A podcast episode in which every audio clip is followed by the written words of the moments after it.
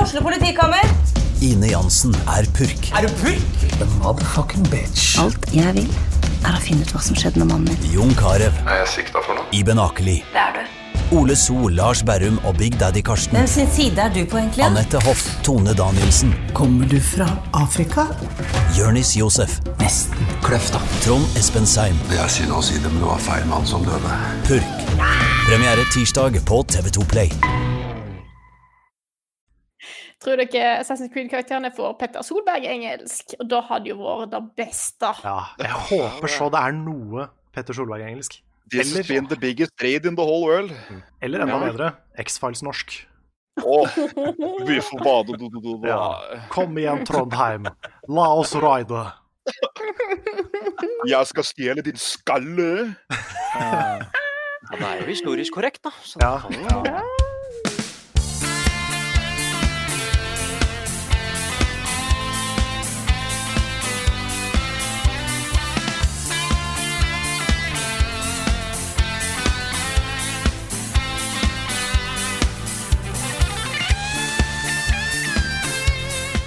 Og da ønsker jeg velkommen til spillpodkasten Level Backup. Podkasten der vi i dag faktisk skal vise fem ganger mer gameplay fra Assassin's Creed Valhalla enn det de gjorde på Xbox sin pressekonferanse. For fem Det er ganger helt null sant. er fortsatt null. Hell yeah. Du kan si at vi kommer til å ha 100 ganger så mye gameplay. Faktisk. Såpass Faktisk. Mhm. kan vi, vi kan love da. Eh, som vanlig, jeg er Frida Landmo, og med meg i dag har jeg Karl Martin Hogsnes og Niklas Halvorsen. Hallo, folkens. Hello. Hvordan har vi det i dag? Nå er det jo Det er jo alltid rart når eh, en av eh, the big guys eh, har, eh, har pauseveka. Denne gangen så er det jo Rune som har eh, fri. Vi klarer oss uten. Det er Vi Mhm. gjør det. litt, det er litt trist. Mm. Men vi skal, vi skal klare å lage en podkast uten Rune. Ja. Norge er jo nesten i ferd med å åpne litt igjen. Ja. Så um, jeg tenkte jo litt på det i dag, da. For jeg leste jo nettopp uh, litt om det. Så um, det blir spennende å se. Jeg er sånn, det kommer til å bli rart å på en måte komme tilbake til det vanlige samfunnet igjen, sånn etter hvert. Det blir en, eh, det blir en rar, gradvis overgang. Det gjør det. Jeg føler Mm. kanskje at jeg er litt redd for at jeg kanskje har blitt enda mer introvert av de ukene her. Ja, fordi det har jeg blitt. Ja, det blir, sånn der, det blir rart å gå ut, liksom. Ja, fordi jeg ser en high five eller en fishbump på TV nå og blir litt sånn eh, Ja. Men akkurat det er fortsatt ikke lurt, da. Nei. Som fysisk eh, ting. Nei, men, men, men det er liksom det at når, er- når får vi high fiven tilbake? Mm, Og Sånn. fishbumpen? ja. 2030, da har vi high fiven tilbake. Ja, vi får bare bruke føttene og albuene akkurat nå, altså. Mm. Jeg synes jeg må bare kommentere Dette har jo ingenting med spill å gjøre, men akkurat nå så er det jo de For oss så er det jo i dag bare et par timer siden de åpna Eller la fram de nye reglene Mm. eh, framover, der de blant annet da har sagt at nå har de åpna for at du kan være eh, Det er ikke privat, er det ikke grenser på fem personer.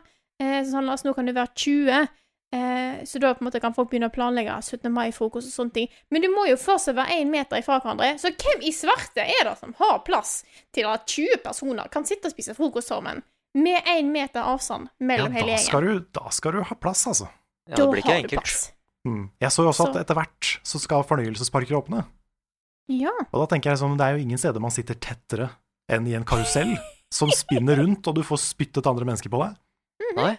Det, den, den var litt spenstig, syns jeg. Det Jeg tror ikke jeg skal på Tusenfryd med det første. Nei. Og det er da jeg merker, sånn som du sier, Karl, at eh, man har blitt mer introvert. Jeg merker at eh, selv om ting begynner å åpne, så tenker jeg at Trenger jeg å Trenger jeg å dra på kino akkurat nå? Ja, det er litt sånn jeg føler terskelen for det å liksom gå ut og være sosial fysisk, den har blitt høyere. Mm. Så um, jeg er spent på om det kommer til å vare lenge, liksom. Ja, jeg er spent på når det på en måte gir seg, når jeg føler at jeg kan gjøre alt igjen. Ja. Mm. Jeg håper bare min lokale kino overlever dette her, altså.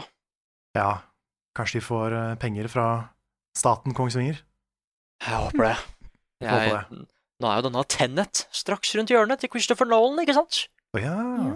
Ja, hvor- Den må jo dukke opp her, den nå, hvis ikke som jeg var Into the City. ja, hvis ikke det blir eh, straight to Netflix. Mm. Ja, det kan hende. Vi får se.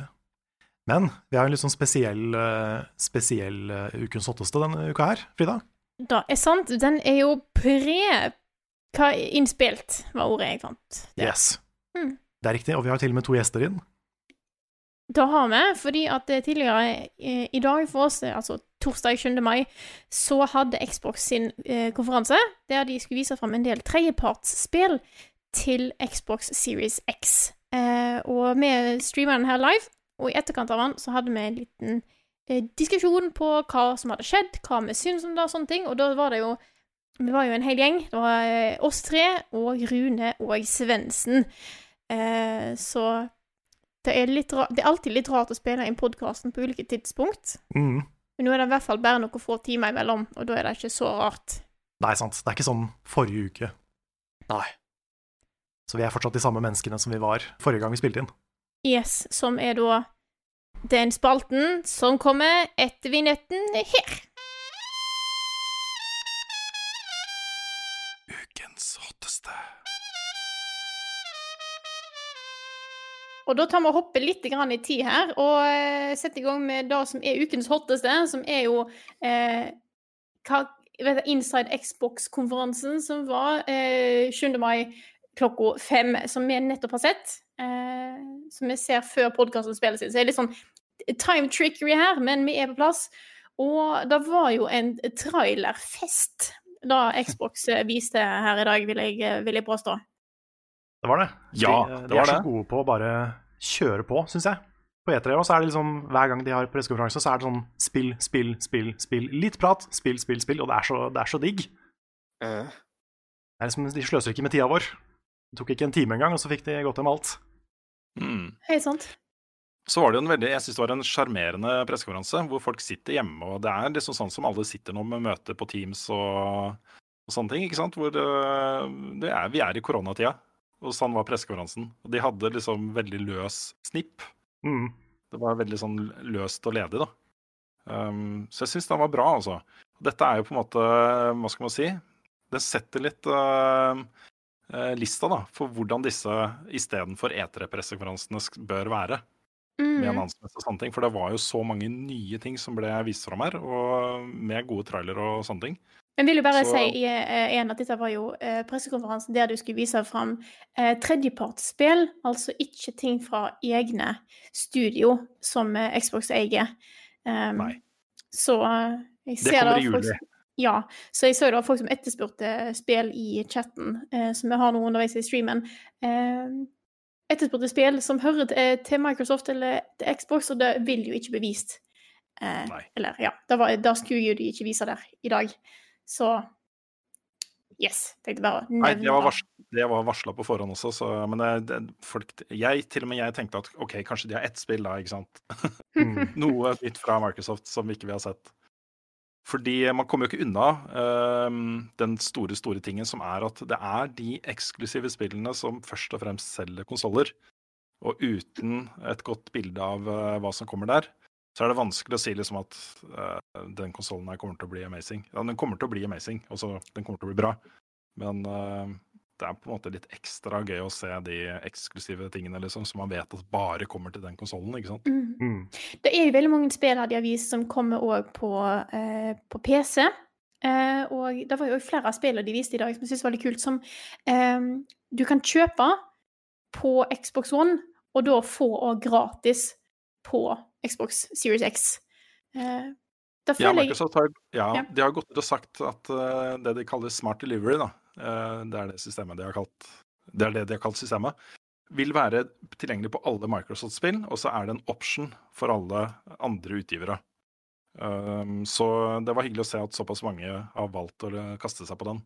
Det Mm. er eh, eh, Jeg tipper at det er eh, fristende å tenke at de kan selge spillet to ganger til samme person. Jeg vet det er en del andre publishere som har operert litt sånn. Jeg Mhm. tenker kanskje først og fremst på Nintendo. Ja, så har de også de som slipper spillet to ganger på samme konsoll, sånn som Persona 5. Mm. Mhm. Så har du sånn som eh, Rockstar, som gir deg ut på første én plass, og så oppgraderer det, og så gir deg ut en annen plass, og så oppgraderer det, og så gir deg ut en siste plass. Ja. Så eh, det er nok mange utviklere som, eh, som pleier å gå i dans. Så den, på en måte, den ruta der så er det litt spennende å se at, eh, at Xbox tar en annen approach. Og det har de jo gjort lenge med eh, GamePass og da at de ofte har gitt ut spill både på Xbox og på PC. Mm. Mm. Så um, ja, det kommer jo til å bli en hel haug med pressekonferanser nå framover. Microsoft skal ha en i måneden cirka, da. Uh, fram til lanseringen av uh, Series X. Jeg tipper det er flere av de andre store utgiverne som kommer til å gjøre det samme. At de kanskje har enkeltevents for uh, de største tingene sine og uh, sprer det litt utover, da. Um, Jeff Keeley har startet den derre uh, Summer Nei, hva er det hva er det han kalte det? Summer, Summer- Festival? Nei. Summer Gamefest. Summer Game Fest. Ja. Som en slags paraply da, for alle disse istedenfor E3-pressekonferansene. Så Mm. um, det kommer til å bli ganske mye, mye framover nå. Um, den største nyheten, eller den, det som flest hadde gledet seg til, og det som var den der One More Thing-greia i den pressekonferansen her, var jo eh, var en liten nedtur. Jeg hadde forventa noe helt annet. Fordi Ubisoft hadde gått ut og sagt at det skulle bli eh, Assassin's Creed Valhalla gameplay. Ja. World premiere på gameplay fra Assassin's Creed Valhalla.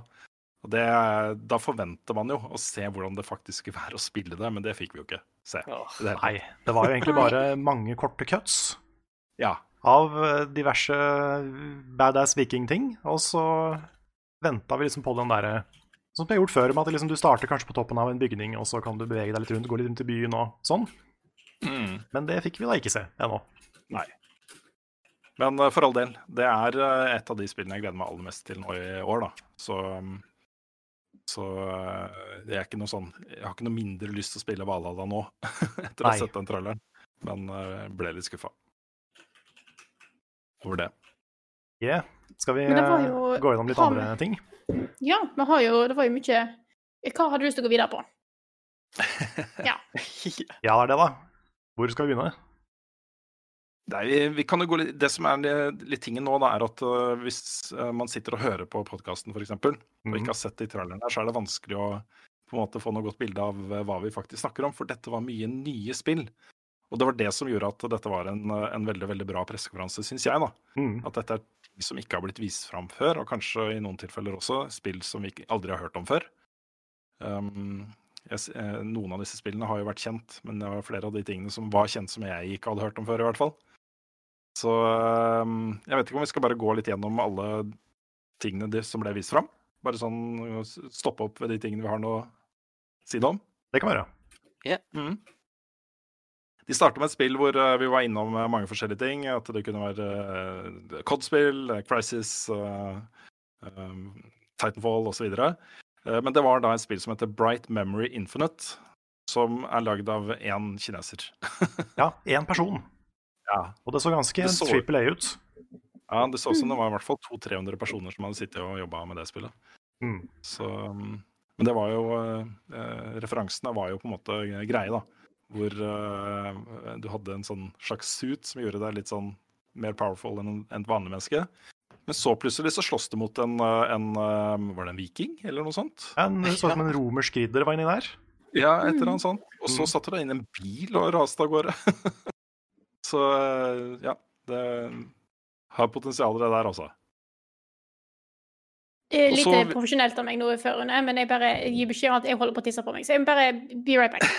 Det er helt i orden, Det Frida. går bra. Mm. Eh, og så eh, gikk de videre til Dirt 5. Ikke så mye å si om det, kanskje, men eh, de utvider jo med litt eh, nye racingformer og sånt, sånn som de har liksom for vane å gjøre i, i racingspillseriene sine. Når de har lagd et spill, så kommer det et nytt spill, og da skal de legge til noe nytt, og da blir det en ny racingform eller et eller annet. da. Riktig. Så um, Er det en Xbox-serie, eller er det en multiplattform? en multiplattform. Vel, jeg tror det mesteparten av det vi så her, kommer også på PlayStation. Ja. Mesteparten av det. Mm. Så um, det var ikke jeg, jeg, jeg kunne ikke se ett eneste tilfelle av, eh, av eh, exclusive. De hadde Nei. jo world premiere, men ingen exclusive. Nei, sant, fordi de pleier jo liksom å, å flagge det ganske hardt når, de, når det er eksklusiv. Ja, da hadde de sagt fra. Det er Mm. jeg ganske sikker på. Eh, og så var det et spill som heter Scorn. Ja, Ja. og det er jo et, eh, det er et spill som har eh, Grunnen til at jeg vet om det, er fordi det har vært sponsoren til Easy Allies-podkasten, som Mm, jeg hører på av og til, eh, i mange, mange år. Så det er jo da det de kaller et atmospheric horror adventure game, med litt sånn Lovecraft-vibes. Mhm. Så um, jeg, har liksom, jeg har hørt den spilen til, til Brandon Jones ganske mange ganger. Hvor han f- Ja. forteller om hva scoren er for noe. Men det var kult å faktisk få se noe fra det. For det, Mm. jeg trodde det var liksom et litt mindre spill, men det her så ganske, ganske omfattende ut. De gjorde det. Så uh, Ja, det, jeg vet ikke om jeg kommer til å tørre å spille det, for det så ganske creepy ut. Men, eh, men det så, så Så var kult ut. ikke det litt sånn gjennomgangstone? Mye creepy spill her, eh, Karl. Det var det. Det var et par spill Mm. her jeg syns var spennende, men som jeg ikke vet om jeg tør å spille. ja. Jeg gleder meg. Ja, det Svendsen gleder seg. Eh, Svendsen. så litt fett ut. Ja, Mm. dere skal spille scoren? Og vel eh, muligens det. Eh, Ja. Jeg fikk eh, Jeg har jo sett litt på en sånn derre early interactive demo-ting for en god stund siden. Og det, jeg fikk veldig sånn Zoma-vibber av eh, selve gameplayet. Ja, det kan Ja. mm, hende. Og Ja, det- jeg eh, ser den. Det er et av de kulere spillene sånn storytelling-messig jeg har spilt, tror jeg. Å, fy fader, ja. Så eh, give me something similar-ish, bare med litt sånn eh, HR Geiger-vibber, eh, så ja, høres ikke helt feil ut. Mm. True Dark that. science fiction, liksom. Ja. Mhm. Jeg skulle til å spørre Lars om han hadde noen eh, tanker, men jeg ser at han er, eh, han er muta, så kanskje han er opptatt. Kan være. Da kan vi gå videre. Til Chorus, eller Chorus, eller hvordan man skal uttale Ja, det. det, er sikkert altså det Chorus. sto Chorus. ko- Korvs. Ko- Chorves. Chorus, ja. Chorvs. Chorvs. Men det, er no, det skal nok være Chorus, ja. Mm. Ja, for den, eh, det det er en romersk eh, U, er det ikke det? Jo. V. Veus. Ja, forsiktig nå, Karl. Ja da. Men ja, da. eh, det, det syns jeg så skikkelig bra ut. ja, Eller det var stilig. spennende. Det var veldig eh, slick. Jeg er veldig spent på å se hvordan gameplayet faktisk blir her. Nå viste de noen kule scener, liksom, men jeg er Så jeg, jeg vet ikke helt hva jeg eh, forventer, men det så skikkelig stilig ut. Mm. Fikk Mm. litt sånn control-vibbe på stilen. ja den, eh, den bygningen der var veldig control. Mm. Mm. Ja, det, jeg, jeg trodde et øyeblikk at det kanskje var eh, linka til Control på et eller annet vis. Mm. Mm. Den der rød, rød-sort eh, fargekombinasjonen og sånne ting. Den Sant. der, eh, Jepp. mm. Eh, det her er Litt rart å si det i forbindelse med en Microsoft-pressekonferanse, men dette her ble jo på en måte utskuddet. Den, eh, det sorte fåret i, eh, i gjengen av spill. Madden 21. Det pleier å være så mange av de spillene som liksom kommer hvert år, og som er til stede. Og så er det Fifa, og så er det Madden, og så er det Ja, det er sant. ikke sant? Men de Det sparer var- sikkert eh, De har nettopp eh, kunngjort at eh, EA skal ha en eh, E3 Play, Ja, nettopp. så kanskje de Ja, det er bra. sparer en del av det til det. Ja, det ble jo for eksempel da etterlyst eh, Mass Effect eh, remake-greier. Ja, Mm. riktig. det kom jo da ikke her, men eh, i dag ble det jo, kom det jo masse rykter om at eh, Også flere rykter. Det har jo kommet rykter eh, lenge om at det kommer en remake av trilogien her. Mm. Eh, nå ser jeg det er flere som skriver om det. Det er nye kilder som bekrefter at det kommer til å skje, da. Ja, jeg blir ikke overraska. De eh, Nei. gikk jo på en liten smell med, med Andromeda, så det å gå tilbake Mm. og eh, remastere den eh, originale klassikertrilogien er eh, ikke dumt, det. Husker dere hvor bra vi var, folkens? Ja, Det kan da Her, fortsatt, bare altså! se men her! kanskje folk blir pissed på hvordan treeren slutter igjen, vet du. Det er- Ny runde. Ja, det er en av de verste sånn, eh, sånne rage-greiene jeg har opplevd. Tror du Mm. folk blir misfornøyd hvis de endrer den òg? Nei, jeg, altså, for, de, for de har endra den én gang. De endte opp med å expande alle sluttene Aha. Ah, OK. i en update, så de har på en måte fiksa det litt, men eh, Mm. Men det er fortsatt en del eh, misfornøyde folk der ute. Og så da var det et spill som eh, fikk Svendsen til å eh, bli happy. Og det var litt gøy. Den, den eh, traileren her syns jeg var bra, altså. Fordi eh, de bygde på og bygde på. For hvert nye element de la til, liksom, så var det sånn Nei, det var ikke det. Det kan være dette isteden. Nei, det var ikke det. Det kan være dette isteden. Og det var jo da til slutt viste det seg å være Vampire The eh, Masquerade Bloodlines 2. Ja, Boja. jeg har ikke noe erfaring med den serien, jeg. Nei, Nei, ikke heller. eh, det er eh, Jeg har jo visst om at den oppfølgeren skulle komme ganske lenge, men den har sånn bare vært i bakgrunnen og egentlig forsvunnet hen i stillhet. Inntil, eh, inntil nå, egentlig, så var det sånn Å ja, det kom jo en toer av det. Ehm, og det første er jo fantastisk bra. Eh, det har jo det har jo, har jo eldra slitt som en potet, det òg, som mange andre gamle spill. Ehm, men det var veldig sånn banebrytende innenfor sin sjanger. Og ikke minst så er det vel kanskje det eneste sånn ordentlig eh, rollespill-RPG-spillet med vampyrer som faktisk funker. Mm. Eh, når jeg tenker over det, så er det vel bare ett av få rollespill med vampyrer som jeg vet om. Ja, ja for det er liksom jeg, jeg, jeg tenker på en måte at det burde jo finnes veldig mange vampyrspill. Men det er ikke Ja. så vanvittig mange. Det er egentlig Nei. bare vampyr som kommer til to mind. Ja, Og liksom ting som Code Vein, men det er liksom ikke helt vampyrer. Nei, ikke helt. Det er anime, an, animepyr. Ja, det er noe, det er noe eget det der. De maskene og øya og alt det Ja. der. It's not the same. Nanani! Not the same. Eh, og um, um, Det har jo en egen sånn avart av eh, DND, som er liksom Vampire the Masquerade, som er pen and paper-rollespill med en regelbok på hvert fall 1300 sider. Mm. Mm. Ehm, så ja, det så jo veldig kult ut. Eh, Mm. Og så at nå virker det som om det er 100 i første perspektiv. Eh, noe du kunne rulle mellom tredje og første i eh, det første spillet. Riktig. Så jeg har trua. Men apropos vampyrer. Ja. Nå er jo Castlevania-serien på Netflix dritpopulær, ja. og den er awesome. Kan vi, Det er ikke, kan vi ikke få et nytt sånn skikkelig storspill i Castlevania-serien?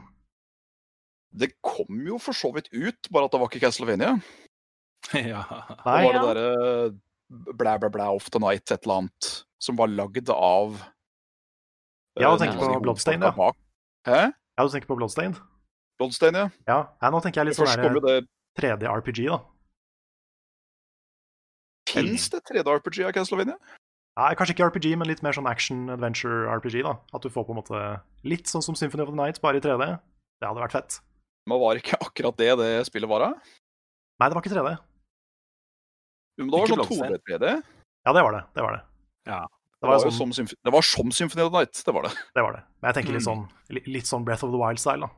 Ja, eh, Men Hva et het det tredje Castlevania-spillet igjen? For det var jo, mener jeg husker, var ganske bra, altså. Du Lords har of ett Shadow. til 1964, men det prater vi ikke om. Du har to, mener jeg, Ja. og de trenger vi ikke å prate om.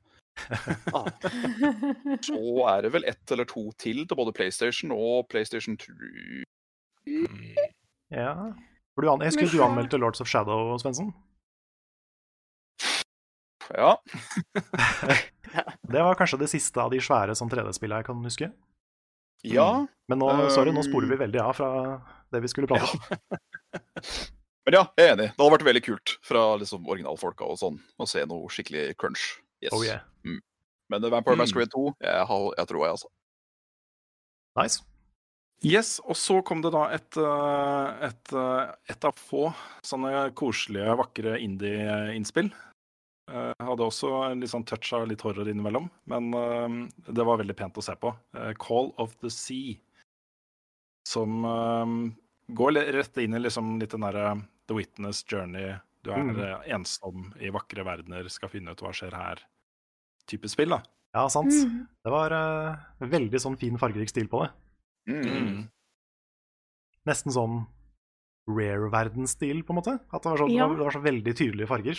Det var Hadde- veldig mye tulling om at det var Banukas Ue og Ja, masse for det, det er sånn, Jeg hadde ikke blitt så overraska hvis det hadde poppa opp en litt sånn cartoony figur. ja, fordi det var litt Sea of Thieves. Mm. Ja, litt. Litt. Men jeg likte, Jeg- likte stilen på det. Ja, jeg ble litt minnet på um, eh, et sånt spill som Hob i dette her, og for Mhm. så vidt også The Witness. Det, handle, det så ut som det handla mye om å bare, at hele verden var en slags puzzle da, som du skulle løse for å finne ut av eh, hva som har skjedd. Og så tror jeg, eh, ut fra det som ble sagt i traileren, at dette eh, ikke nødvendigvis trenger å være et, et eh, virkelig sted. da. Fordi eh, hun, hovedpersonen er jo inne der for å finne ut av eh, noe. Eh, hva har skjedd med mannen hennes eller kjæresten hennes eller hva det var. Mm. Så um, ja. Et, eh, et lovende indiespill. Mm. Og så var det da, det, jeg må innrømme at eh, på noen av de tingene jeg har skrevet opp her, så husker jeg ikke helt hvilket spill det var. Um, Nei, det, det er ulempen med å få sett så mye på rad. Jeg, Ja, altså, var sånn, jeg sleit med å komme på hva de het, alle sammen. det var Mm, mange. Så jeg, jeg er glad for at du skrev det ned, Rune. Mm. Ja, det var, jeg tenkte at det var lurt, for neste her så står det da The Ascent. Var det var det, det derre um, Diablo in Space. Ja, det var det. Det var det som vi trodde var cyberpunk en periode, en kort, kort øyeblikk. Ja, før det ble liksom Du så de ringene rundt rollefiguren, og du hadde, hadde et party og sånne ting. Riktig. Sånn top down view. Mm. Mm. Altså, det var det de har sendt, det også. Men det så jo veldig kult ut. Kule, stilige miljøer. Mm. Så spennende. Og så, da Jeg tror kanskje det var det som jeg gleder meg mest til å spille av de tingene som var her. Eh, The Medium. The Medium. Ja. The Medium. Ja. Mm. Det er et sånt spill som kan bli en klassiker, og det kan bli skikkelig ræva, men jeg, jeg tenker sånn Det så jo veldig lovende ut ut fra det lille vi fikk se. Ja, det så kjempelovende ut med liksom Altså, det, det er helt tydelig Silent Hill-inspirert. Mhm. Eh, ligner også litt grann på eh, åh, Hva heter det, det spillet som Pokker, altså. Til, Sanity? eh, hm? Det er Sanity N- Nei. eh, ja, jeg kommer kanskje tilbake til hva det het. Men det var jo da komponisten fra Silent Hill som har lagd musikken til dette spillet også. Mm. Mm. Så eh, Du tenkte ikke Ja. på Evil Within? Evil Woodin var akkurat det jeg tenkte på, Carl. Ah. Takk skal du ha. Ja. Oh, ja. I did it! Mm, veldig, veldig bra. Det er, ikke sant? du- Poenget mitt er at du kommer inn i et miljø, ikke sant? og så plutselig så skjer det noe som endrer hele miljøet, og så er du i helvete, på en måte. Eller mm. Mm. Mm. sannelig, da. Ja. Nei, det så Så- veldig, veldig spennende ut. Mm. Det er liksom med en gang de kaller det psykologisk horror, så er det sånn Dette kan bli dritkult hvis det er gjort rett. Ja. Mm. Eh, og i så fall skal jeg ikke spille det. Nei, for jeg tenker sånn, Hvis det er psykologisk horror uten jump scares, Ja. da kan jeg spille det. Ja. Ja. Men ja, jeg er litt da. redd for de jump scares, ass. Mm. Men, men jeg er så glad i tredjepersons horrorspill. Mm. Mm. Og det, og det var Det så ut som at det var det, da. Ja, for hvis Ja. det er da, og det ikke er liksom masse jumpscares eller bare skyting av monster, bare at det er liksom kul historie som er litt fucka, da er jo egentlig helt amazing. Så Mm. jeg er spent på å se hva dette her egentlig byr på. Eh, spent på å se mer av det spillet framover, for at settingen syns jeg så veldig veldig stilig ut. Same. Agreed. I agree. Og så har vi jo noen eh, anime-fans i redaksjonen vår som Mhm. eh, sperret øynene litt ekstra opp da det dukka opp et spill som heter da Scarlet Nexus. Scarlet Hvor, eh, Nexus. Er det da blomstene som invaderer jorden? Ja, Ja. stemmer det. er Sånne rosebuketters fiender. Fordi at, altså, Ja, det og- var så absurd. Ja, Og de kan ikke Også- dø until Mhm. now. Ah. Det så fett ut. Og så var liksom, Jeg var ikke forberedt på at det da skulle være et anime-spill før liksom en av hovedkarakterene eller hva det nå er, dukket opp. Jeg bare sånn Å ja, det er anime! Mm. For da så jo originalt mest ut som et eller annet sånn der weird Mm. greie. Men eh, så syns jeg combaten så litt kul ut, så jeg eh, vil gjerne se om den er eh, han s- Om han er kanskje litt mer snappy. Han så Mm. litt slow ut, sånn som de viser nå. Jeg er spent på å se hva dette blir. Mm. Eh, Ja, fordi Ja. Det første jeg tenkte, var på en måte Cold Vein, for det ligna veldig stilmessig på det. Gjorde Mm. det? Mm. Men så fort de begynte liksom med combaten, så fikk jeg mye mer sånn Devil May Cry-vibber. Mm. At det Mm. var eh, litt mer action, litt mer hoppe opp eh, fem meter opp i lufta og slå. Og litt sånne type ting. Mm. yes! Så det kan jo hende det blir kult. Jeg håper liksom, altså Hvis kampsystemet er kult, så er jo spillet kult ofte. I et sånt, sånt type spill. Det er jo det som er det viktige der. Eh, Så eh, vi får se hva, om det combat-systemet blir bra, så har jeg, eh, har jeg tro. Ja, Og kanskje vi vet ikke, kanskje det kommer en skikkelig rørende historie om disse rosebuskmonstrene. At det var de blomstene du la ned på graven til moren din. eh, Ja, ikke sant? Ja, At det er sånn, ja, ja, Vi ja. kommer til å gråte når vi skjønner hva de er for noe. Mhm. ja. Å nei, og vi har drept sånn million av dem. Ikke? Ikke sant? Ikke sant? Det var blomstene hele Det tiden. var blomstene hele Ah. tiden. Ja. Det er verdt å merke seg her også at dette er et eh, inhouse-spill fra Mandai Namco. Mhm. Det er Mandai Namco Studio som lager det, og de har liksom da for vane å satse tyngre, da. Altså, de lager ikke hva som helst, på en måte. De eh, legger skikkelig mye ressurser inn i å lage sine egne spill. Det er sant. Så, um, mm. Eh, det kom et spill som også kunne vært eh, mye rart. Litt sånn um, ja, blanding av turrock og eh, um, så- sånne survival games, kanskje. Second Extinction, hvor dinosaurene er tilbake, og du skal drepe dem. Ja. Lurer på hvordan de kom tilbake. Ja, det lurer jeg på også. Ah. Space? Kanskje space? Kanskje det kom en ny meteor som de var på? At det er sånn det går full circle, på en måte? Ja, det, kanskje det. Ja, fordi menneskene kom på den første. Nei, så tenk, Ja, kanskje, det var- kanskje den første utrydda de, eller kanskje tok de med seg. Ja. Ja, at Kanskje de tok det med seg. Og så kommer de gikk over tilbake. hele jorda, og så hang de liksom fast i Det er noen egg, da. Dinosauregg.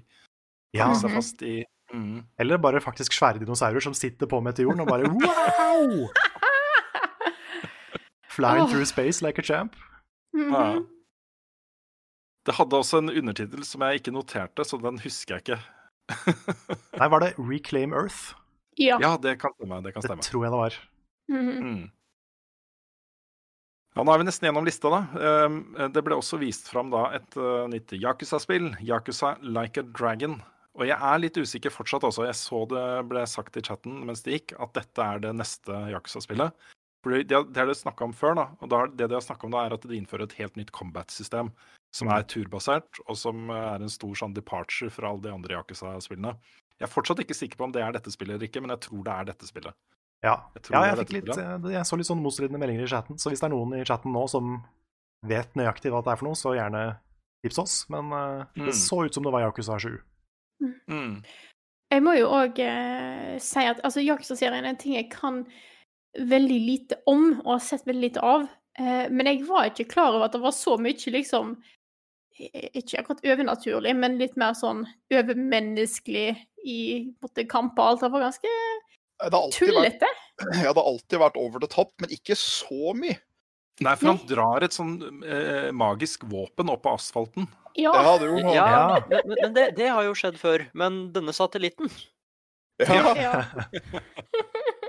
Ja, Så det var Men var, det eh, Yakuza. Jaktserien er altså, Jaktserien er noe som, hvis du er interessert i, eh, i litt sånn eh, japansk eh, historiefortellerteknikk, og eh, historiedrevne spill hvor du får lov til å gjøre ganske mye rart, og så synge karaoke og drikkeleker og alt mulig rart, liksom.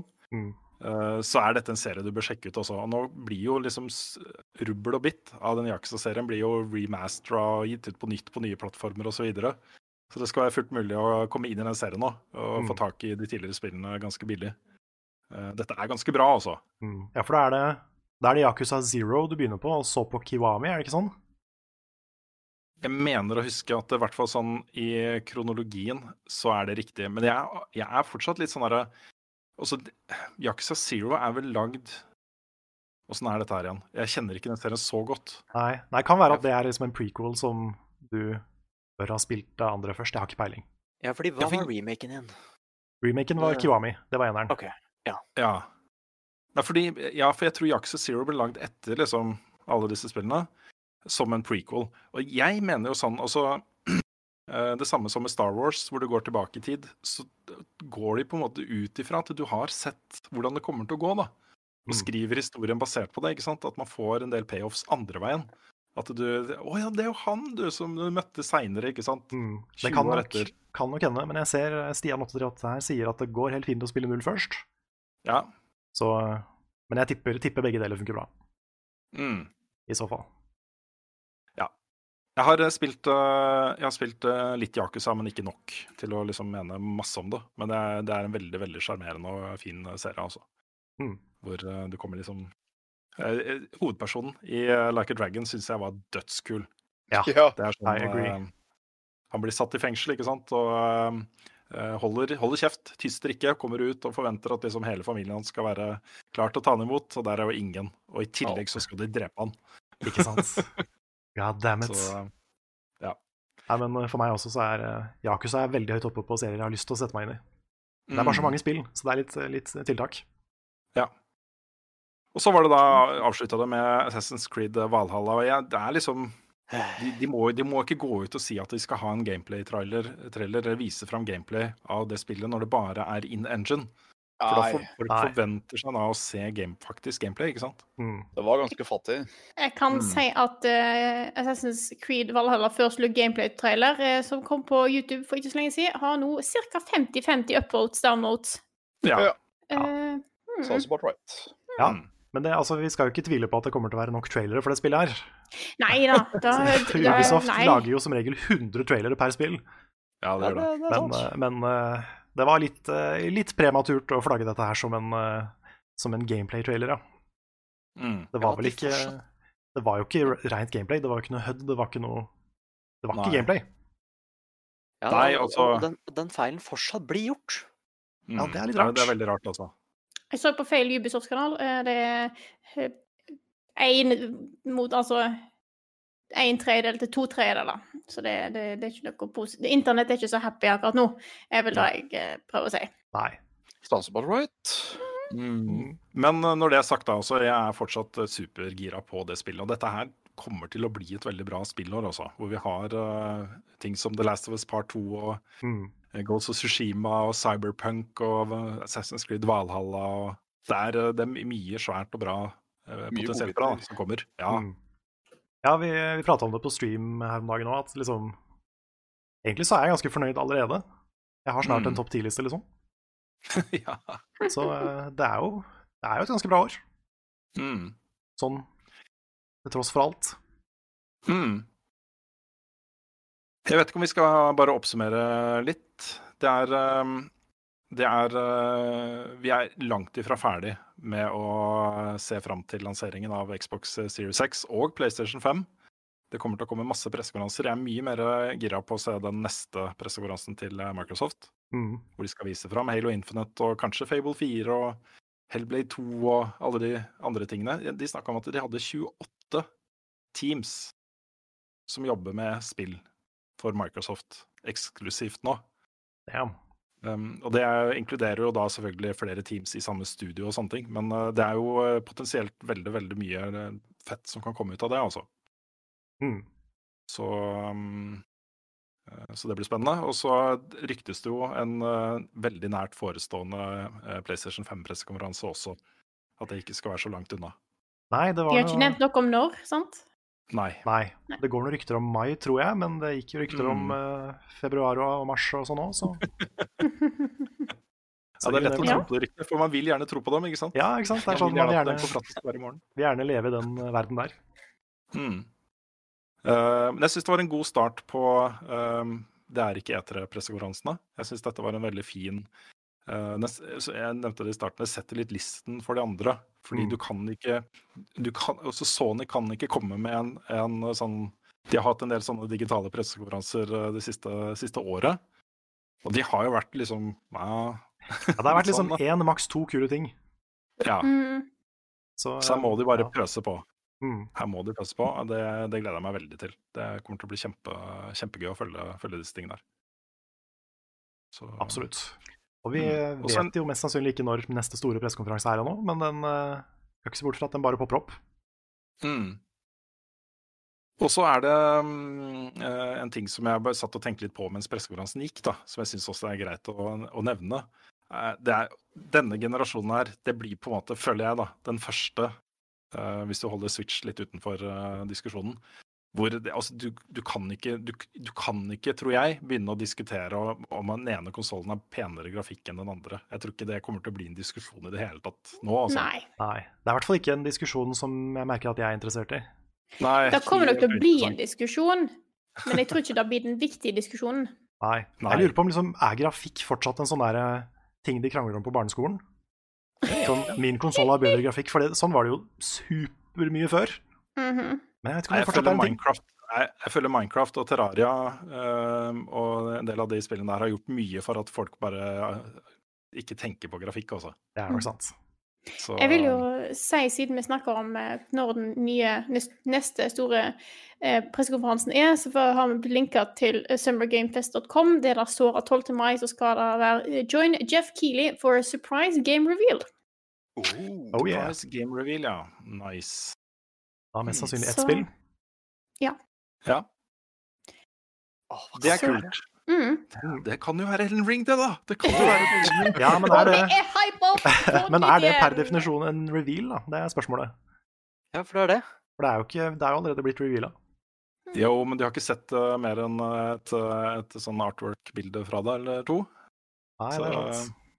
Nei, det var vel en, nei, det var vel en sånn CGI-trailer også, var det ikke det? Jo, det var det. Det var sånn eh, litt voiceover og litt sånn. Ja, nettopp. Nei, jeg, jeg, jeg føler at det fortsatt er innafor eh, Surprise Game re- Reveal, hvis vi skal vise fram faktisk eh, spillet, altså. Ja. Jeg håper du har rett. Ja. Ok, nei, men da Ja. er det kanskje tid for å runde av denne lille, mm, lille post-show-diskusjonen. Mm, så får dere Yes. håpe dere klarer dere uten meg resten av podkasten, folkens. Vi skal prøve. Eh, Ja, det går nok, går nok fint. Vi kommer til å ønske deg hjertelig velkommen tilbake neste uke, i hvert fall. Ja, da er jeg klar.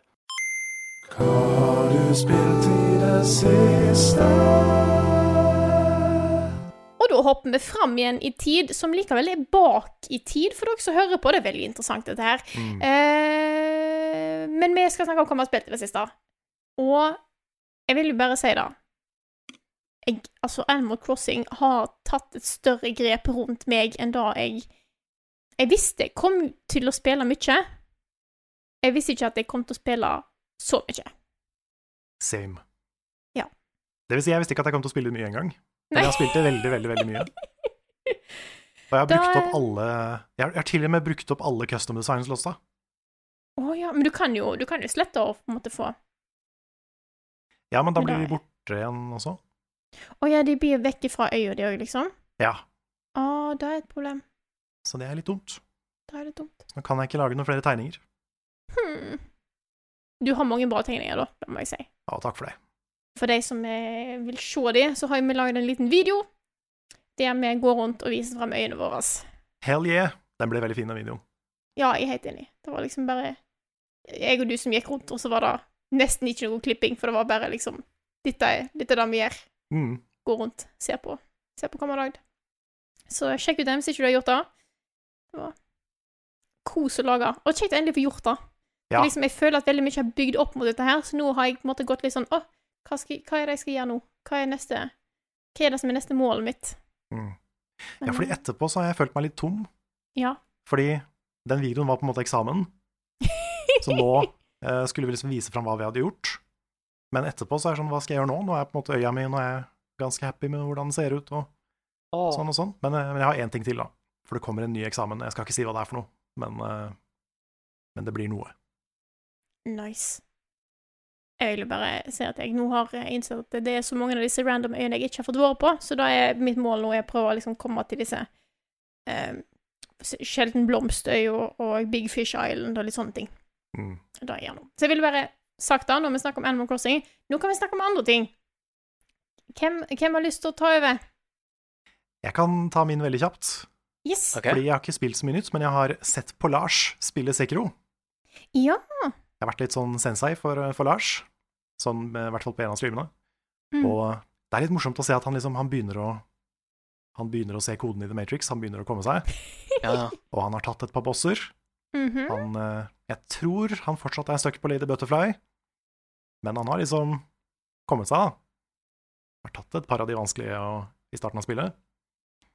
Så det er morsomt å liksom se eh, progresjonen til Lars, og jeg merker jo veldig at jeg må spille Sekiro igjen, for det klør etter å ha sett på Lars. Så det må nok, det må nok bli en ny playthrough snart.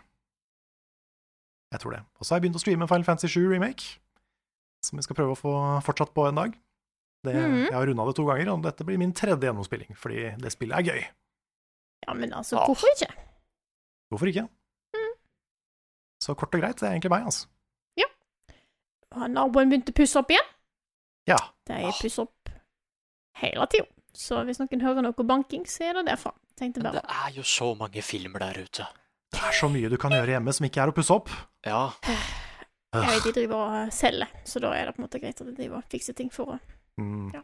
Selger neper. Mm, Selger sikkert masse nepe. Mm. Mm -mm. Nei, Nick, har du lyst til å fortsette? Ja, Jeg kan si jeg har spilt litt eh, Gått litt tilbake til Civilization igjen. Oh, Ryktene sier at det straks dukker opp en ny expansion pack der. enda en. Ja, enda en. Oi. Så jeg var veldig overraska, for det, det forrige hadde også bare to. Mm. Så det skal komme enda en expansion. Det, og ryktene sier at det kan hende at det skal være en ny win condition der, som er økonomisk. Så kanskje du kan, Mm. kanskje du kan kjøpe seieren, liksom, hvis du har nok penger. Hæ. Men jeg har prøvd å gjøre The Nuke Challenge, som har dukket opp der. Og Ok. den- den, den er så morsom, vet du, fordi det er jo at eh, Gandhi er jo kjempefarlig i Civilization. Mm. Han elsker nukes. Han elsker å bombe folk med nukes. Det starta som en spøk, men det ble en feature, rett og slett. Og The Nuke Challenge er da at du får et spesielt seed til liksom en world En verden Et spesielt seed til en verden, da. Som er at det er to øyer. Du starter på én, Gandhi starter på den andre. Og highest difficulty da, så er det om å gjøre å nuke hverandre først. Så det er liksom å klare The Nuke Challenge mot Gandhi. Wow. Wow. Og det er ikke lett, for han er jo, han er jo sitt rette element med en gang, ikke sant? Det er litt forskjell på virkelighetens Gandhi og Civilization Gandhi. Litt grann, Ja, ja. jeg, jeg kunne faktisk ikke tro det da jeg fikk den meldingen selv, for jeg har bare hørt at han var så ille i de andre spillene. Mm. Men han har en hemmelig liksom eh, spillere at du, eller de computerstyrte spillere de har sånne agendaer og sånn da, som du kan prøve å finne ut av. Mm. Og han har faktisk en som heter Nuke Happy. Wow. Det er 30 sjanse for at han får den. Ha. Og da sier han det bare at ah, 'Jeg ser jo at du ikke lager så mange nukes. Nukes er jo the future. Har du lyst til å skyte opp en nuke?' Eller sånn. Wow. Ja, så Jeg husker da jeg anmeldte Civilization 6. Ja. Så, så var Gandhi med. Og så oppdaga jeg liksom, jeg oppdaget Gandhi fordi han hadde reist over halve kartet for å settle en by oppe ved meg. Ja, men det er det Det han er gjør. så ut- utrolig aggressivt. Ja, men, men det er akkurat det han gjør. Han liksom han settler en by rett ved siden av. Mm. Sier at han er ikke her for krig, altså. Bare for å spre religionen sin og Åh, bare koselig prat, liksom. kan ikke stole på han. Nei, men du kan ikke det. Så jeg prøver å beseire han da på dette, denne nuke-challengen, og jeg har ennå ikke greid det. Ha. Det er en ganske Nei. morsom challenge. Ja, den er festlig. Det var litt kul. Men du blir sånn skikkelig sånn, for det står når noen er ferdig med Manhattan Projectet, ikke sant? Mm. Mm. Så det er bare, ok, når den står, da skjønner du at det nå skjer et snaps, og nå har du en time limit, liksom. Det er en bra stream. Mhm. Ja. The Nuke Challenge, liksom. Det er en skikkelig bra stream. Jeg må bare beseire The Overlord Gandhi. Ja, Yes. shit, det, bør- det har jeg lyst til å gjøre en dag. ja. ah, nei, så, det er, så jeg har lært mye der. Av Civilization Mhm. og, og Gandhi, så klart. Mm. Eh, men jeg har jo nå endelig klart å hoppe, hoppe inn i Final Fantasy-remaken. Ja! Ja. Og jeg har da det. har jo jeg òg! Ja! Ah, fredag, altså. Ah, så gøy! Hva syns dere?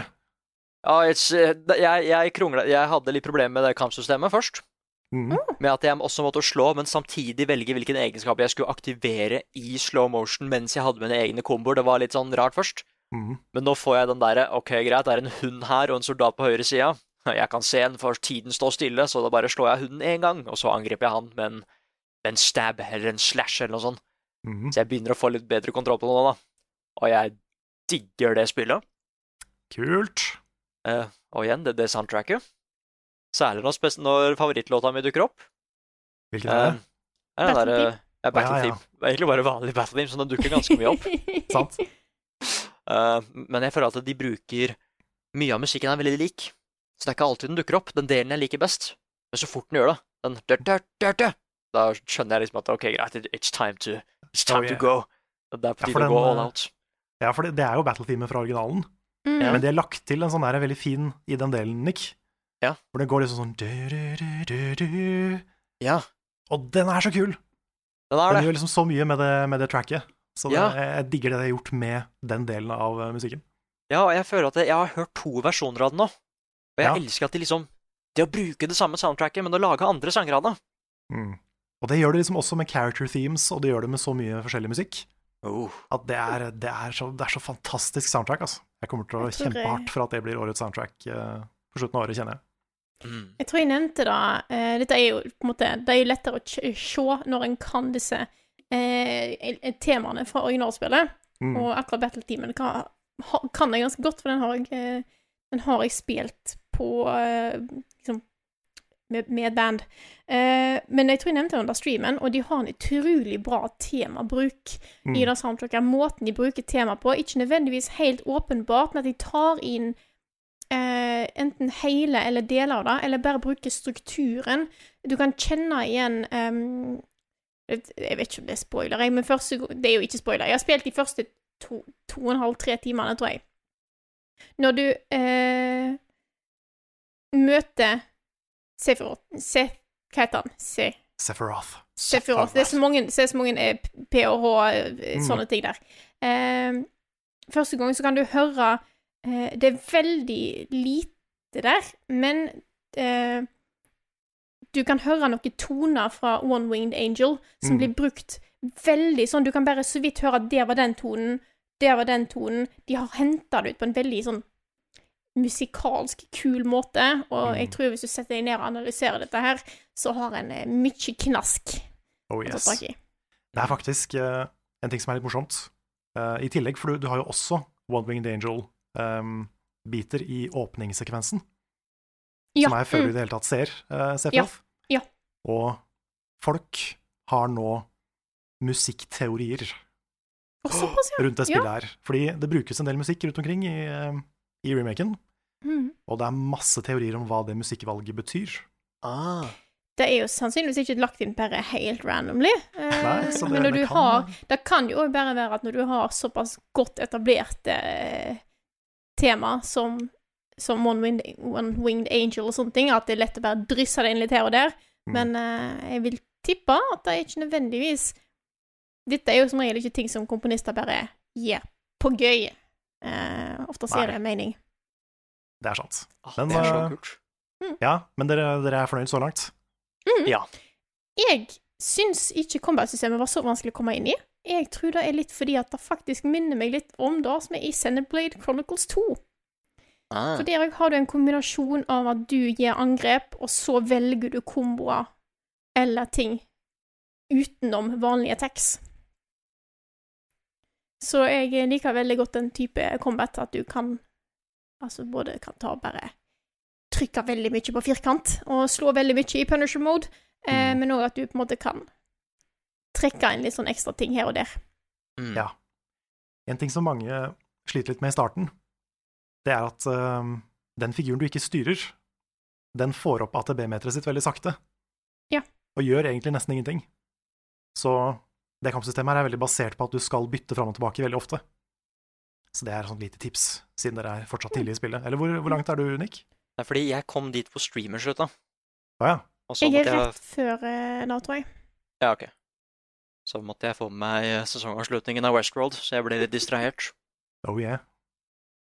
Ja, fordi um, streamen slutta jo da vi eh, kom til The Sector 7 Slums. Det er en ny Mm. dag. Vi skal eh, til baren i- og hilse på Tifa. Så jeg er Mhm. fortsatt ganske tidlig i historien. Det er vel starten på kapittel tre, tror jeg.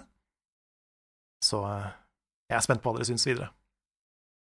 Jeg gleder meg. Jeg syns det er Altså, det ser jo jæklig fint ut. Ja.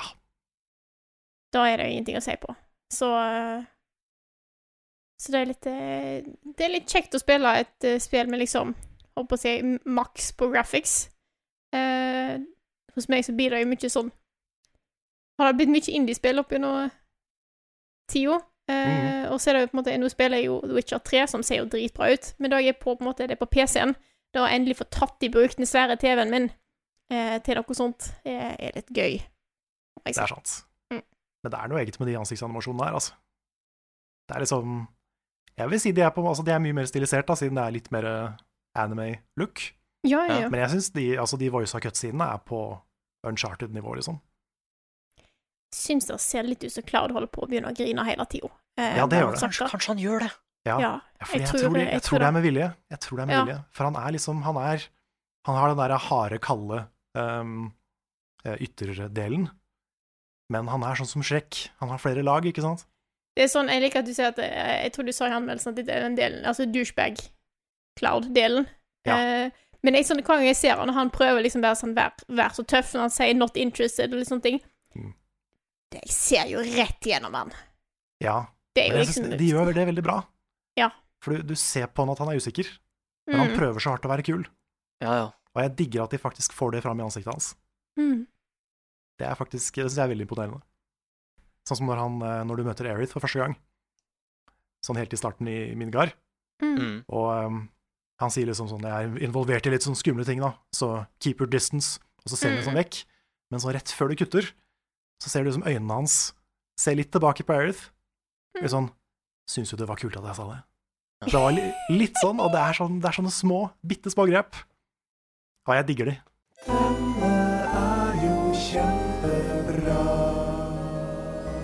Ukens anbefaling. Det er jo mange som begynner å prøve å finne seg nye hobbyer eh, mens en sitter inne.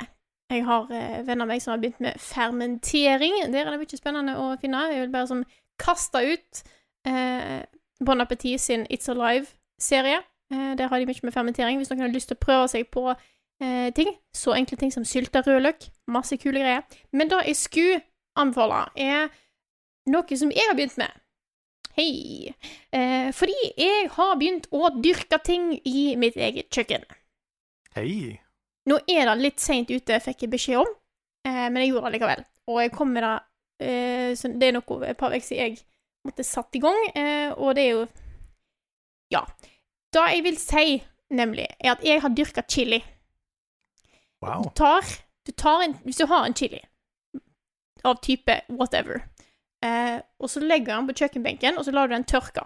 Og du tenker hm, blir ikke den råtten? Nei, den bare tørker. Det er jo sjukt nice. Til den har blitt tørr, og så rister du på den, sånn at du hører at flø- frøene liksom er løse inni. Så tar du og stikker de frøene ned i litt jord, vanner litt, og så venter du, og så vokser det. Og det er jo helt amazing. Så nå har jeg eh, fire bitte små chiliplanter som har sånn Wow. fire blad på seg. Eh, og jeg innser at da å få fire, til slutt fire store chiliplanter kanskje ikke var en så god idé. Eh, da blir det mye chili. Men jeg tester. Hvorfor ikke? Så eh, mitt tips er Det er utrolig mange ting som går an å gro nå. For dette har jeg sett på. Jeg har prøvd å finne ut hva jeg kan bestille. For det, det, du- det finnes masse hagesenter som du kan bestille frøer og potter og sånt fra. Mange dagligvarebutikker selger òg blomsterjord eller sånn jord og sånt. Så du kan få tak i det ganske nært hvis ikke du har et hagesenter i nærheten. Tak i frø. Mange ting som er lett å, å dyrke. Eh, altså ting som reddik, eh, sukkererter, eh, salat eh, Det er ikke alltid store plassen du trenger. Jeg har sett Neper. på muligheten. Hm? Neper. Kan være Da har jeg ikke sett så mye på. De blir jo litt større, så jeg tror det kanskje krever litt mer plass. Men små ting. Eh, jeg har sett på det å kjøpe sånne balto- balkongplantekasse. Kanskje dyrke litt reddik i den. Jeg har sett folk som har dyrka eh, Altså, du kan dyrke eh, urteplanter. Eh, basilikum er jo sjukt lett å få til, har jeg hørt. Eh, mange sånne kule ting. Bare undersøk litt der, for tenk så gøy hvis du kan da servere salat som du har dyrka, på din egen balkong. For du trenger jo ikke ha en hel svær hage, sant? Du trenger ikke gå inn for å liksom lage et svær, en svær grønnsakshage der du skal dyrke potet og gulrøtt og hele dritten, sant? Bare liksom ha ei lita potte, dyrke noen små ting, enten det er chili eller sånn som jeg har også gjort nå, kjørt på plantasjen, kjøpt en tomatplante. Eh, fordi at jeg trodde jeg kunne jeg ha dyrka hvis jeg var litt tidligere ute, men da, sånn er det bare. Nå skal jeg dyrke sherrytomater i kjøkkenvinduet mitt. Shit. The wonders of life. Altså. Sant? Dette er jo dritkult! Nå har Ja. jeg, på en måte, kanskje, jeg ble kanskje litt ekstra ivrig med disse her eh, blomsterfrøene jeg fikk med Animal Crossing-spelet mitt. Ja, for Den jeg skulle til å driver spørre, jo- liksom, Er du inspirert direkte fra Animal Crossing? Ka- eh, Kanskje. Litt fordi at jeg innså plutselig hvor lett det var å dyrke ting i mitt eget vindu. Mm. Fordi at den planten som jeg har eh, f- Den som jeg fikk via med Animal Crossing, eh, anmelderutgaven min, den driver jo bare og vokser. Noe helt insane. Så den har jeg nå bundet fast, fordi at jeg begynte jo først å Først så satte jeg ned noen spisepinner, fordi det er en sånn klatreplante. Så den begynte å liksom slynge seg rundt spisepinnene og vokse oppover. Så de var jo ikke lange nok, så jeg gikk ut, fant pinner fra et tre, stappa de nedi, og jeg vokste ut fra den òg, så nå har jeg bundet da fast tau fra disse pinnene som denne blomsten vokser på, opp til øverst i vinduskarmen, så nå kan de i teorien vokse opp hele vinduet. Eh, så det er Så kan være jeg ble litt inspirert, for jeg fant ut Oi, denne her blomstrer den, Han er ikke blomster ennå, jeg har ingen anelse om hva det er for noe. Men den vokste jo som bare fy. Kanskje noe annet som jeg kanskje har nytte av, kan vokse. Og derav chili. Riktig. Men jeg vil anbefale deg å være litt forsiktig, fordi eh, jeg har hørt at det fins ganske mye eh, rare dudes på Reddick. Bare Ta Lage bit- sånn, lage sånn liten subreddick. Please, Carl. Her kommer Neder med Carl. Og han har hår. Og da setter jeg over til vårt vikarnyhetsanker, Karl Martin Hogsnes. Yes! Nei, det er jo ikke så mye som skjer nå. Det er jo alt det, alt det største som har skjedd, det har jo vi snakka om allerede i podkasten. Yes, Så det er mye som har skjedd, det er bare det at vi har allerede tatt det. Ja, vi har liksom allerede dekka det, ikke sant? Så Mm. eh, egentlig bare satt opp eh, tre små saker. Så eh, kommer det sikkert litt mer spennende i dybden-ting i spilluka neste uke. Men Mhm. eh, den første lille saken jeg har satt opp, det er at det kommer et, må- en, en ny Mortal Kombat DLC med Robocop. Det er helt sant. Det er helt sant. Det blir da en story-DLC, der hvor du kan spille som Robocop. Ja. Så det, de, har, hatt- de har fått en ganske sånn spennende samling av characters, altså. Ja, den, den låren der er jo helt eh, Den er jo helt tullete akkurat nå. Var det DC-fighting-spillet som fikk Teenage Mutant Ninja Turtles? Og så var det Tekken som fikk Nigen. Ja, fordi Nigen husker jeg, men Ninja Turtles? Jeg lurer på om det var det. Det er mulig jeg blander. Jeg føler fighting game characters er sånn De, blir bare, de får bare mer og mer crazy rostere. Ja, det er sant. Hva blir neste, liksom? Gandhi. Gandhi. Bowler fra Kykeli Kokos. Ja, i Mortal Kombat. Ja. Ja, ja. You never know. Mm. Da kommer Max Mekker inn som en naturlig oppfølger, det vil jeg si. Han gjør det. Mm. Vi må bare gjøre resten av verden klar over Max Mekker. ikke sant? Det er derfor vi, det, Ja, er, ja, det, ja. det er den viktige jobben vi gjør i Level Up. Just doing our part. Mm. En ting er liksom at vi driver med spilljournalistikk, men det andre er at vi er ambassadører for Max Mekker. Ja. Ja. Definitivt. Mm. Og så kommer det endelig et splitter nytt skate Oh. til mobil. Ja, ikke så Ah. Der var han der. Der var den. Ah. Så jeg beklager. Det, Kan jo det være var det blir bare bra. et- Kan hende det blir bra, Ja. men eh, ikke, altså ikke noe stort skatespill, altså. Men et, et mobilspill. Ja. Men det kan hende at det, det fører til noe, da, vi vet ikke. Er dette noe du kommer til å spille? Jeg har egentlig ikke spilt så mye skate. Jeg har alltid Nei. vært sånn Tony Hawkman. Stemmer, du er på den sida, ja. Ja. Mhm. Men eh, det er mange som er glad i skate.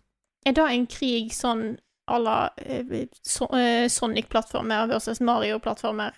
Jeg tror ikke det, fordi Ja, ok. skate kom da Tony Hawk allerede hadde begynt å suge. Ah, Så det har på så en måte at tatt litt liksom- over, føler jeg. Mm, Mm. mm. Og Det er jo så forskjellig. Mhm. Dette kan jeg ingenting om, så jeg bare Ja.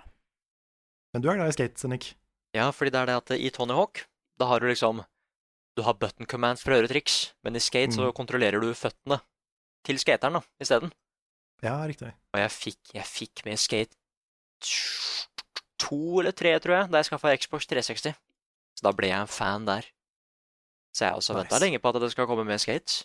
Et next gen skate, liksom. Mm. Og ikke på mobil. Kanskje- Nei, kanskje det, kanskje det blir en del av eh, Xbox slash PS5-lineupen etter hvert. Ja, You never know. jeg hadde ikke sagt nei, altså. Det hadde vært fett. Mhm. Jeg, har folk, jeg har fått med at folk har bedt om det i mange, mange år nå. Mm. Men den tredje og siste nyhetssaken jeg har satt opp, det er at det har blitt sluppet noen konsepttegninger til det kansellerte Selda-spillet til Retro Studios. Ta en interessant eh, kombinasjon. Ja, for hva er, hva er det? Nei, det er ehm, et spill hvor du, hvor du ikke spiller som Link, du spiller som en mannlig sheik. Ok. Altså en, eh, et medlem av The Sheikah Tribe, vil jeg tippe de mener. Det sto, det sto a male sheik, men, men sheik er jo spoiler Ja. alert. så, um, så ja, det, er, det, det skulle da bli laga i Skal vi se her, det sto at det ble, pro- det ble jobba på mellom 2005 og 2008. Så det var jo da mens eh, de også jobba med Twilight Princess. Det kom jo da i 2006. Mhm. Men dette retrospillet det retro er da skaperne av eh, blant annet Metroid Prime og nye Donkey Kong Aha. Country. Det er jo veldig interessant, fordi at eh, det at dette ble lagd samtidig som Twilight Princess, er litt sånn Du ser at dette her kunne vært litt mørkt. Ja, det er faktisk mørkere enn Twilight Princess. Mye mer gotisk, mye mer eh, ja, piggete, Mhm. Tim Burton-ish. Ja. Så Ganske jeg tenker sånn, på eh, ganske grimdark, altså. Tenk å få de to spillene, da! Åh, begge to Mm. liksom samtidig, rundt samme tid. Samme mørke, litt dystre greiene. Åh, Ja. Og historien Mhm. skulle visstnok være en slags eh, origin story for eh, The Master Sword. Åh. Så eh, det var jo på en måte det vi fikk da i Skyward Sword Ja. seinere. Så kanskje, Det er sant. kanskje Nintendo bøffa den ideen fra Retro. Hmm. Det vet jeg ikke. Men, eh, nei, men det, det så ut som et sånt et sånn eksepsjonelt mørkt Zelda-spill. Nesten sånn Castlevania-mørkt. Ja. Så um, det var kult å se hva det, hva det ble, men eh, jeg merker jo personlig at det er Jeg liker jo at Zelda-spill har litt farger. Ja, jeg ser den, men likevel så er det liksom da eh, at ting Jeg er jo veldig glad i spill som Skyward Sword, Mm. eh, men å få noe litt mørke, altså at det der at eh, em, Breath of the Wild 2 skal være litt mer eh, dark, da har jeg ingenting imot, må jeg, eh, skal jeg innrømme. Nei, der er jeg helt enig. Jeg syns jo eh, Majora's Mask er fantastisk, og det er jo det mørkeste Zelda-spillet. Mm. Sånn, i hvert fall tematisk. Mm. Ja. Så, men den verden her var eh, den, den var ganske gotisk. Kan jeg slenge på en siste liten ting? Ja, ja. som er her. Ja. Fordi at nå er det jo Eller ikke ja, det er jo nå, på en måte. Det er jo Summer Game Fest, Mhm, som er jo dette her eh, opplegget til Jeff Keeley, er det ikke det han heter? stemmer. Eh, der det er liksom eh, Fra nå i fire måneder så skal det være liksom eh, litt pressekonferanser, litt div, eh, som skjer. Og det, det blir veldig spennende. Og de har på nettsida si, summergamefest.com, eh, en kalender. Og vi var inne på der etter eh, Xbox-streamen i dag, og ser at det står noe. Nemlig 12. mai så står det 'Join Jeff Keeley for a surprise game reveal'. Oh yes. Mm. Hva kan Så- det være?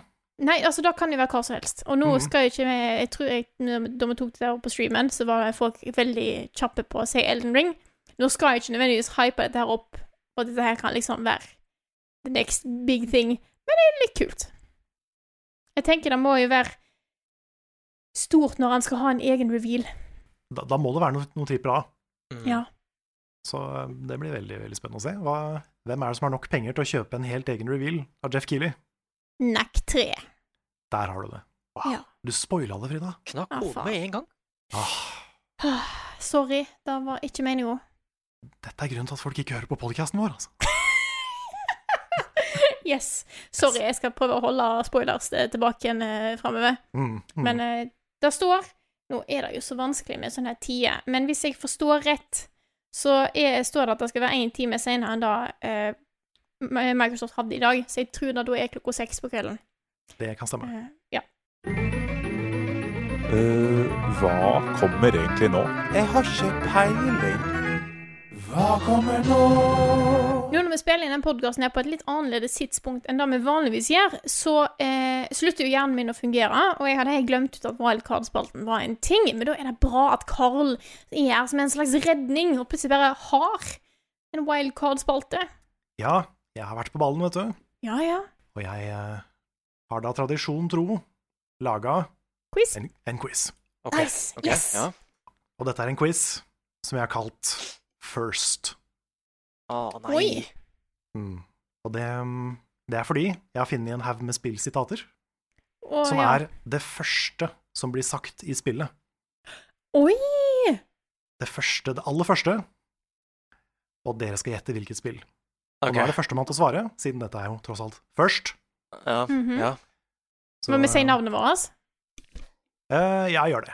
Ja. Det er litt ryddig. Ellers kan dere si det, det, det er også lov å si blupp. Ja. Blupp. Så vi må ikke si Frida Nick, men dere, kan- dere kan si blupp. Ok, altså det, er- det er en sånn derre stressquiz. Det er jo en det, det er Ja. Så, så lenge dere indikerer at dere kan svare, Ok. så er det deres tur. Å, Skal vi faen. begynne? Ok, ok. Ja. Ok, vi begynner med en veldig kjent en. Listen to my story. This may be our last chance. Spørsmålet er, det er ikke sikkert dere har spilt det. Nei. Den er veldig eh, kjent, men det er ikke sikkert dere har spilt det. Jeg er jo redd for, liksom vanligvis, hvis jeg ikke vet noe, så pleier jeg å si hm, ja, hvor er dette her fra? Men nå er jeg redd for å lage en lyd, i tilfelle jeg eh, Ja. later som at jeg da skal svare for noe. det, er Ja, ikke, sånn, ja. det er ikke Diablo. Listen Nei. to my story. Jeg kan jo si at eh, personen som sier det, eh, ser veldig sånn dramatisk utover en, eh, en slags solnedgang. Det er et party i bakgrunnen som eh, slapper av ved et bål, og eh, de, skal, de er i ferd med å tre inn i et eh, ukjent område. What? Mm. Listen to my story. Det er ikke sikkert dere klarer å gjette det hvis ikke dere har spilt det. Nei. Er det Er det dette her eh, Nå husker jeg ikke hvilket nummer, men er det fa- eh, Nick, mener jeg! Nick! Ja. Er, det- er det dette her eh, Final Fantasy Dette boybandet? Boyband Final Fantasy-spillet? Å, du er så nær, Nick, men det blir dessverre ikke poeng. Nei! Det er Final Fantasy 10, Åh! ikke 15. Åh! Ah, Men vi kan gå videre. Ok. War has changed. Frida, Mm. det er ikke fallout? Nei. For de har noe war et eller annet. Det er War Det er Never War Changes. Never Changes, da. Ja, ja, ja, Så ja. derfor Så det det er det motsatte. Um, Ja. War has changed? Så fort du bare sa war, bare Å, jeg kan den! Has changed. Nei, det, det skal du ikke si. Um, Mm. ja, Nick? Niklas? Ja. Uh, Deus Ex? Dessverre. Ah, øff. Da skal jeg si det. Ja. Ja. Det er Metal Gear Solid 4. Ah, Ah. ok. Ah, Det er Ja, Snake som da er sier jeg det. enig. Jeg har fortsatt ikke kommet meg inn i denne, i den serien der. Nei. Nei, riktig. Bare med Rising. Den her tror jeg i hvert fall en av dere klarer. I've been having these weird thoughts lately.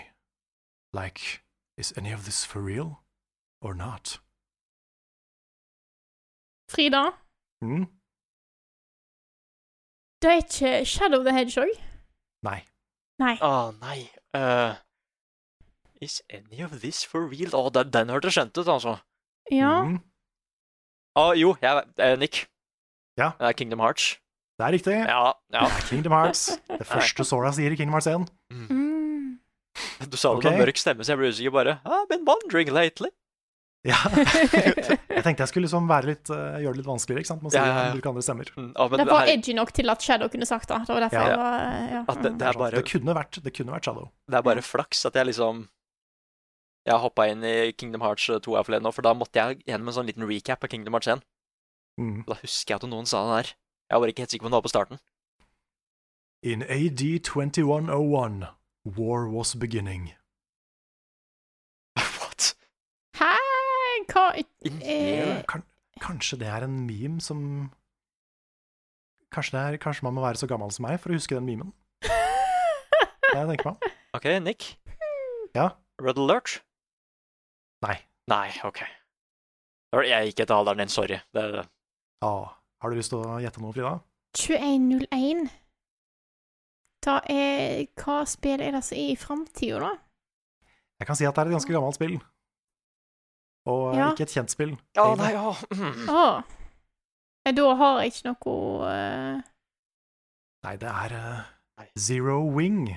Ah, Eh, ok. og det er startcut-siden til den veldig kjente memen All your base are belong to us. Ah, ok. Ah, jeg, Det var jeg, de første trodde, store memesa. jeg trodde det var noe Dune et lite øyeblikk, så jeg var litt usikker. Ja, jeg vurderte å ha noen Dune, men problemet med å lage denne quizen her, Ja. det Mm. er at nesten alle spill starter med å si navnet på noe. Ah, ja, sånn, ja. Sånn her, In the land of Boletaria, eller et Ja, ja. eller annet sånt. Og så bare, å ja. Mm. Eller This is a story about baby Mario. Det er på en måte sånn, da, da funker det ikke. Sånn, ja. Så det var ikke så lett å lage quizen. Altså. Jeg ser, jeg ser for meg liksom at da du skal gjøre research til den her, du gikk bare gjennom spillintroer, ikke sant? Bare 'dette her kan funke'. Yes. In Superman 64 Ah, god damn it, altså. Nettopp. Det var akkurat sånn det var. Det var akkurat sånn det var. Jeg, har, ehm, jeg tror ikke dere kommer til å gjette den her, så jeg har den med bare for moro skyld. Ok. OK, jeg er Så klar. jeg, så jeg bare sier den. Ja. President Ronnie has been kidnapped by the ninjas. Are you, are you a bad enough dude to rescue Ronnie? What? Og det er fra NES-spillet Bad Dudes. Bad dudes. Å, jeg kunne ønske at jeg bare kom fra der, Nick. Det er bad dudes. Mm. Og nå skal jeg eh, gjøre litt om på stemmen for å gjøre det vanskeligere. Ok. Oi, oi, oi. In the age of ancients, the world was unformed, shrouded by fog. Eh, in the age of ages. Så ikke tenk på det med den stemmen. Nei. Men jeg går etter tonefallet bare Nei. Jeg ville ikke gjort det heller. ok. Frida? Mm.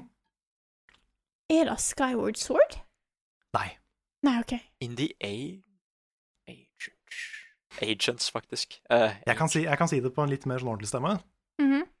In the age of ancients, the world was unformed, shrouded by fog. Mm. Jeg tenkte jo på Shadow of the Colossus, men de snakker jo ikke engelsk. Um, Nei. Jeg har lyst til å liksom si sånn ja, det, det, Civilization, for der er det liksom Fogg der du ikke har vært, men eh,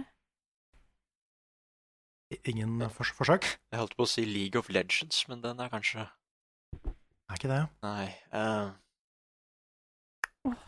In the age of Har jeg spilt det? Har jeg Nei, jeg spilt kom det? ikke på noe eh, Da går tiden ut, tror jeg. Ok. Ja. Det er Dark Souls. Nei, er det Dark Souls? Det er Dark Souls.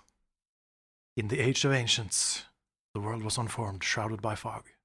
Shrouded by fog? Og Det er så den kommer s- Gwyn og dragene. ja, fordi, ja, for det husker Ah. jeg, men sa de fog, altså? Mm. Åh, åh, nei, åh. Den trodde jeg dere skulle ta, men Ja, ass, eh, kanskje jeg bare skal gi meg. Den burde jeg ha tatt.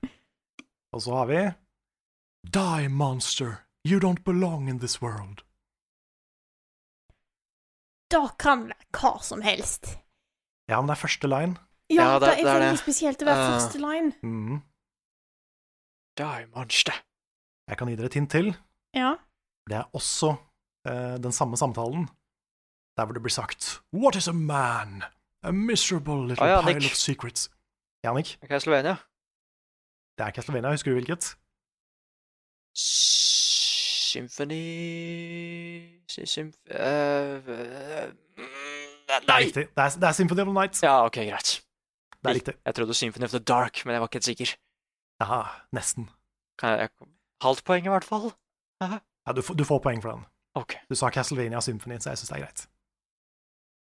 OK? What is a man? Mhm. Den neste er jeg veldig spent på om dere tar. Mhm. Tommy, Tommy, listen to me. He's the contractor, okay? I can't lose this job. Tommy, Tommy. Det er et Contractor. spill som får en oppfølger snart. Nick! Ja, Nick? Last of Us! Det er Last of Us. Ja. Ah, Det er helt riktig. Jeg husker Tommy. En veldig anonym eh, første line i spillet. ja. Jeg tenker sånn, Last of Us har sikkert et eller annet kult i starten, men det er bare det, Ja. er det. det, er det. Jeg håpet de skulle si at de var We're- We're the last of us. Mm. Ja. Se- se på We klokka. are the last of us. Mm. Hello, Joel. I'm Ellie. Ja. Ok, da da er jeg snart ferdig. Mhm. Hi, folks. You wanna know what's going on? Dette er en spillserie ja. som en av de som sitter her, er veldig glad i. Å nei. Den er litt, litt fransk. Frida. Frida, Rayman. det er Rayman. Ah, Første Rayman. hvem sier hi, folks? Det er fortelleren. Han er ehm, han fyren i hatten. Mhm. Ah, Han dukker opp fra hatten og sier hi, folks. hi, folks. Hi, folks. Da er det tre til Nick og én til Frida. Yes. Ok. Ok, vi har to, to igjen. Ok. Mhm. Mhm. Er Ok. jeg klar? Tell me, do you ever feel a strange sadness as dusk falls? Eh, Oi. Dette ser jeg for meg blir sagt mens skjermen er svart. Hmm. Eh, hadde, sånn som det ofte starter sånne ting. ja, hadde, hadde du vært så sneaky og tatt liksom den samme serien to ganger? Mm. Nei, det har jeg ikke gjort. Nei, ok. For Jeg hadde tenkt å si Dette er Dark et Souls 2, spill, eh. men det Ja, eh, Nei, for dette er et spill som jeg vet at dere har spilt, Mhm. og eh, dere er glad i det. Jeg vet i hvert fall eh, Frida er glad i det. Mhm. Og vi har snakka om serien i podkasten. Det var den her? Mm. What? Vi har snakka om serien. OK, nå, nå stopper hjernen min fullstendig her. Vent, vi har snakka om serien. Ja, ja. Hmm. Og Hva var det du sa den, hva var det du sa det var? Tell me, do you ever feel a strange sadness as dusk falls? Frida, Mm. det er ikke Witcher. Nei. Da, da prøver jeg Selda. Hvilket Selda? Ah, god damn it. Eh, de snakker jo ikke engelsk. Eh, det var kanskje dumt? Nei, det er, ikke, det, er ikke, det, er, det er ikke sagt høyt, men det er jo tekst, da. Ja. Mm. Nei, det er jo Twilight Princess, da. Det er riktig. Ja, ok. Det er Selda Twilight Princess. Mm. Hvem er det som sier det? Det er han eh, Han, eh, han er en ganske liten character, men han sitter sammen med Link i starten. Ja. Mm. Ser utover vannet. Mm. Ja. Så eh, har de den samtalen.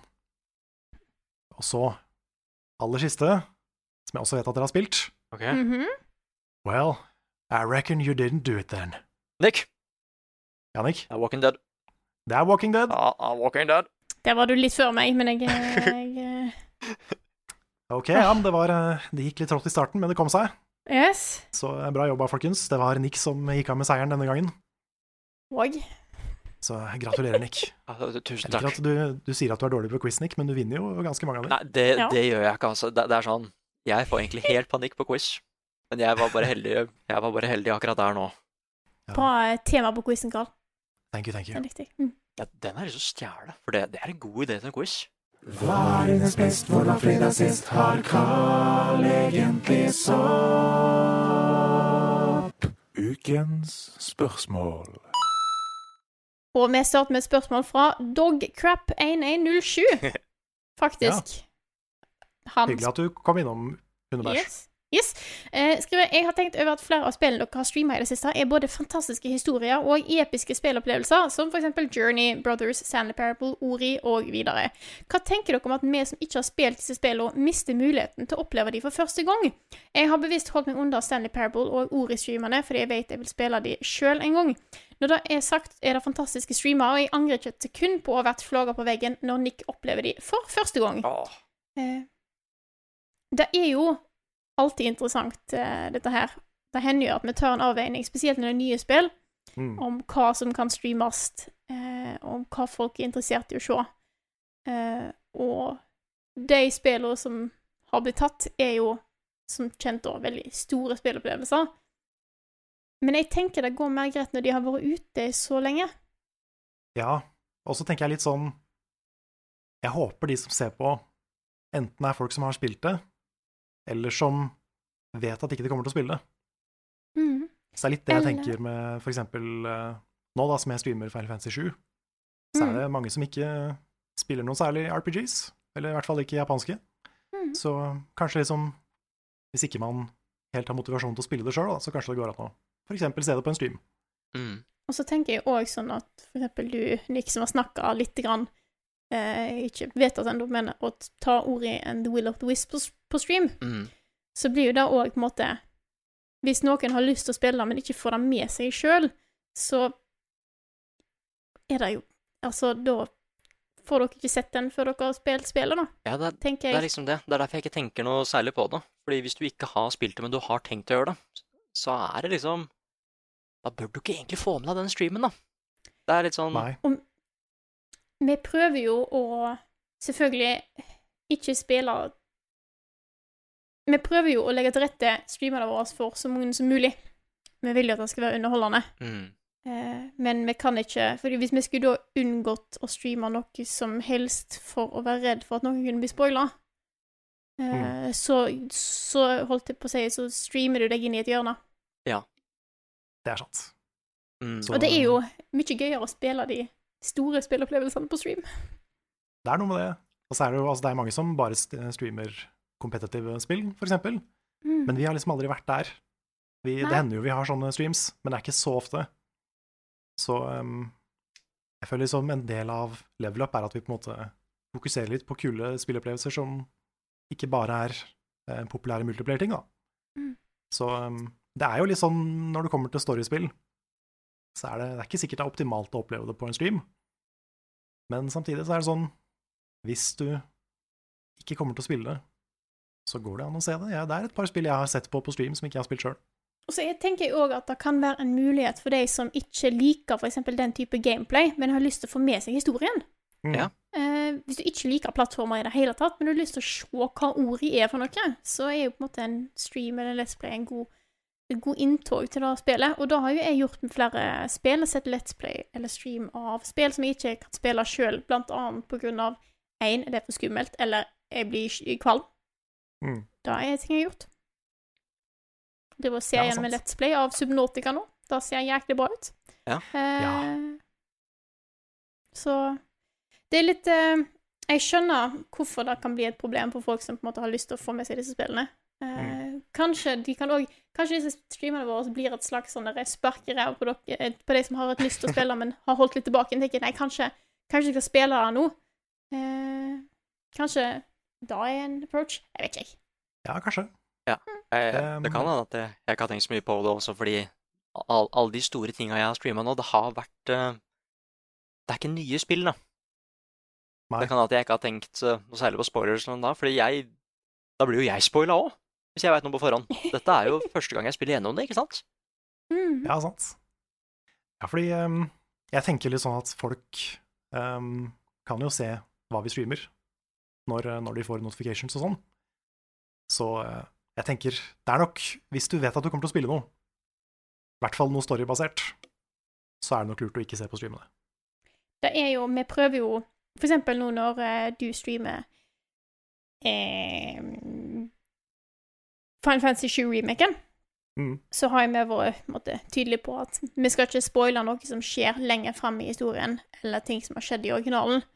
Eh, Mm. Så da prøver vi alltid å være litt viktige på, og da syns jeg er litt greit. Eh, for eksempel når Lars streamer eh, The Last of Us, så er han på en måte på punktet han sier at jeg kommer til å snakke om hele spillet. Uavhengig av hvor jeg er, på en måte. Og da Mm. er, så lenge vi på en måte sier, gir det litt klart, så tenker jeg at da er det et godt utgangspunkt. Det er sant. Mm. Så um, i hvert fall med den Final Fantasy-streamen Mm. så har jeg tenkt litt sånn at um, jeg ikke skal snakke under cutscenes og sånn, fordi jeg har lyst til at folk skal liksom få en opplevelse av hva spillet er for noe. da. Og Mm. Mhm. få med seg storyen, og få med seg musikken, få med seg alt. Så um, heller bare liksom snakke når det er um, action og dødtid og sånn. Da har jo eh, Discord sin nye screenshare ability, eller feature, gjort eh, streamerne våre mye lettere når det kommer til det. Det er helt sant. Alle kan følge med og er stille på samme tidspunkt og Mm. Mm. sånt. Hell yeah. Så jeg, jeg, jeg håper i hvert fall at vi klarer å legge rett til rette for sånne type streams på en god måte. Hvis ikke, så håper jeg folk gir beskjed. Mm. Hope so. Mm. Kan jeg ta et spørsmål her? Kjør på. Det er fra Sebastian Haaland Johansen. Han spør Tror dere at dere hadde klart å ta noen av Dark Souls-bossene IRL? Nei. Nei. Det må jo være noen de hadde klart. Hva tenker jeg? Ja, Hva er det vi det har er bra. gjort? Ja, det, men det er liksom det. Hvem, hvilken da? Hvem er det jeg skulle klart å tatt her? Er det ikke én det, Altså Jeg tenker jo litt på han der uh, Mikolash i Bloodborne, Ja. Mhm. men han har jo sånn der blekksprutarm, da. Ja, ja, jeg Ja. hadde nok ikke tatt, klart å tatt han. Nei. Det må Jeg jo bare ser for meg liksom, hva er det som er i dag, så er det bare sånn Havel? Nei. Ornsteiners mag? Nei. Hmm, Mm. Eh, n- det meste av nei. Ja, Jeg føler at vi hadde liksom blitt fullstendig eid alle, alle de andre gangene, men det må jo være én vi hadde greid å tatt. Ja. Det er jo han ene i Dark Souls 2 som du kan ehm, få til å hoppe ut- utfor stupet. Ja. Han. For da trenger jeg bare å flytte meg. Ja. Han kunne jeg tatt. Det er ganske mange du kan få til å hoppe ut forbi stupet. Ja, men da må du være veldig god. Ja, ok, det er sant. Ja, altså, Så jeg, ehm, vi- hvis vi liksom Jeg kunne jo teknisk sett Altså, da måtte jeg overlevd et godt stykke først, men det var ikke noe vanskelig å ta Bed of Chaos når du først var ved siden av Bed of Chaos. Nei, det er sant. Du, ba- du bare slo på den, så døde den, men du måtte gjennom masse dritt først. Nei, det, vet du hva, det, det er bare juks. Hvem er det jeg prøver å lure? Det hadde ikke gått. Nei, jeg Jeg, jeg veit jeg vet ikke. Det må jo være noe vi kan ta. Nå tror jeg det var en due som begynte å kose med stolen min ute på terrassen. Åh. Jeg bare hørte litt sånn, litt sånn koing og så litt sånn gnukking mot et eller annet. Ja. Det var jo spennende. Det var en veldig attraktiv stol Ja. for Mm. due. Mm. Det var en ganske fin stol. Den er hot.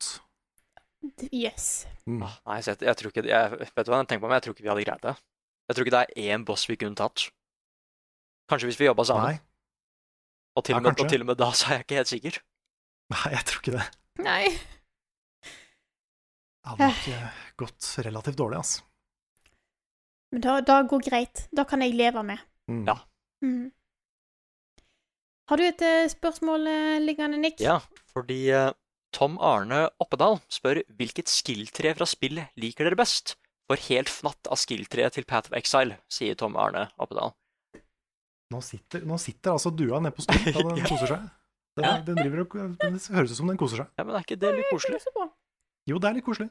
Du må kose seg litt, disse duene også. De må det. Men ja, favoritt. Men ja, skill 3. Ja, for jeg, jeg, jeg har jo liksom en sånn My go to answer her, det er jo skill-tre til Skyrim. Ja. Fordi jeg er så- Mm. Mhm. Jeg er jeg, jeg elsker de skillsetta med at det du bruker, er det du leveler opp. Liksom at Bruker du destruction-magi, da får du level up i destruction-magi. Bruker du sverd, da får du level up i sverd. Tar du mye skade, da trener du opp defense. Liksom at du, du lager playstyle liksom, Du leveler opp din egen playstyle ut ifra hvilken playstyle du har lyst til å ha, da. Den er jeg veldig, veldig glad i. Ja, jeg likte um, Jeg mener husk at jeg likte skill 3 i Assassin's Creed, Odyssey. Ja. Og eh, Sekiro, of course. Men eh, de fleste skill 3 er litt sånn Litt sånn forgettable, kanskje? Ja. Jeg vil si generelt så liker jeg skill 3 der du kan se hva skills som er lenger oppe i treet. Mm. For da vet jeg hva det er lurt å bygge mot. Mm. Sant. Det er noen spill som på en måte holder det skjult, og da syns jeg er litt eh, dust. Mm. Ja, for Jeg tenker sånn Skill Train 9 og 2 var litt, litt mye greier. Mm. Det var ikke så tilfredsstillende å levele opp. Nei, jeg, det, er, det Mens, husker jeg, jeg eh, koste meg så mye med Ori på det der, for det var så veldig bestemt hva du levela opp, ikke sant? Hvis du trykker Ja. den Du kan skyte på Ori to sitter folk da. samtidig. Leveler du opp den, Mm. du får trippel opp. Det er liksom ikke noe sånn Ja, du leveler opp der du får 2 sterkere skudd, eller noe sånt. Liksom, forandringen var der med en gang, da. Ja, ja for det, det, det er viktig at du skal ha lyst til å låse opp ting. Mm. Det får du i Ori. Mm. Og i Jeg har litt Jedi av Fallen samme i- Hm? Order til en viss grad. Jedi Fallen Order også er bra, syns jeg. Ja. På det. Jeg syns òg Witcher 3. Det syns jeg på en måte er greit. Ok. Du liksom ser alt nedover, og så må du låse opp litt i samme eh, typen skill for å på en måte komme lenger ned i. Jeg, jeg husker at jeg også hadde litt problemer der først, for bare øh, 5 sterkere angrep. Det, har, det sier meg ikke noe, men så kan du få sånne mur, mu, mute, mutagenes, hvor du kan Mhm. doble de poengene som er der, da. Og da ble det plutselig en ganske svær bøff, da. Jepp. Ja, nei. Mange gode skill-trær. True that. Borderlands er også en haug av dem. Ja. Har du noen eh, flere spørsmål, Frida? Jeg har et eh, liggende her. Ja. Det er fra Ken Lie Haugen, som spør lurer litt på combat-system og spillglede. Hvordan klarer dere å gå fra et perfekt combat-system, eh, i mine øyne, som Sekiro, og over til et, igjen i mine øyne, upresist og klønete system som Assassin's Creed Odyssey, og fortsatt bevare spillgleden? Det er jo kjent at noen spill gir jo combat veldig bra, og noen gjør det ikke nødvendigvis så bra.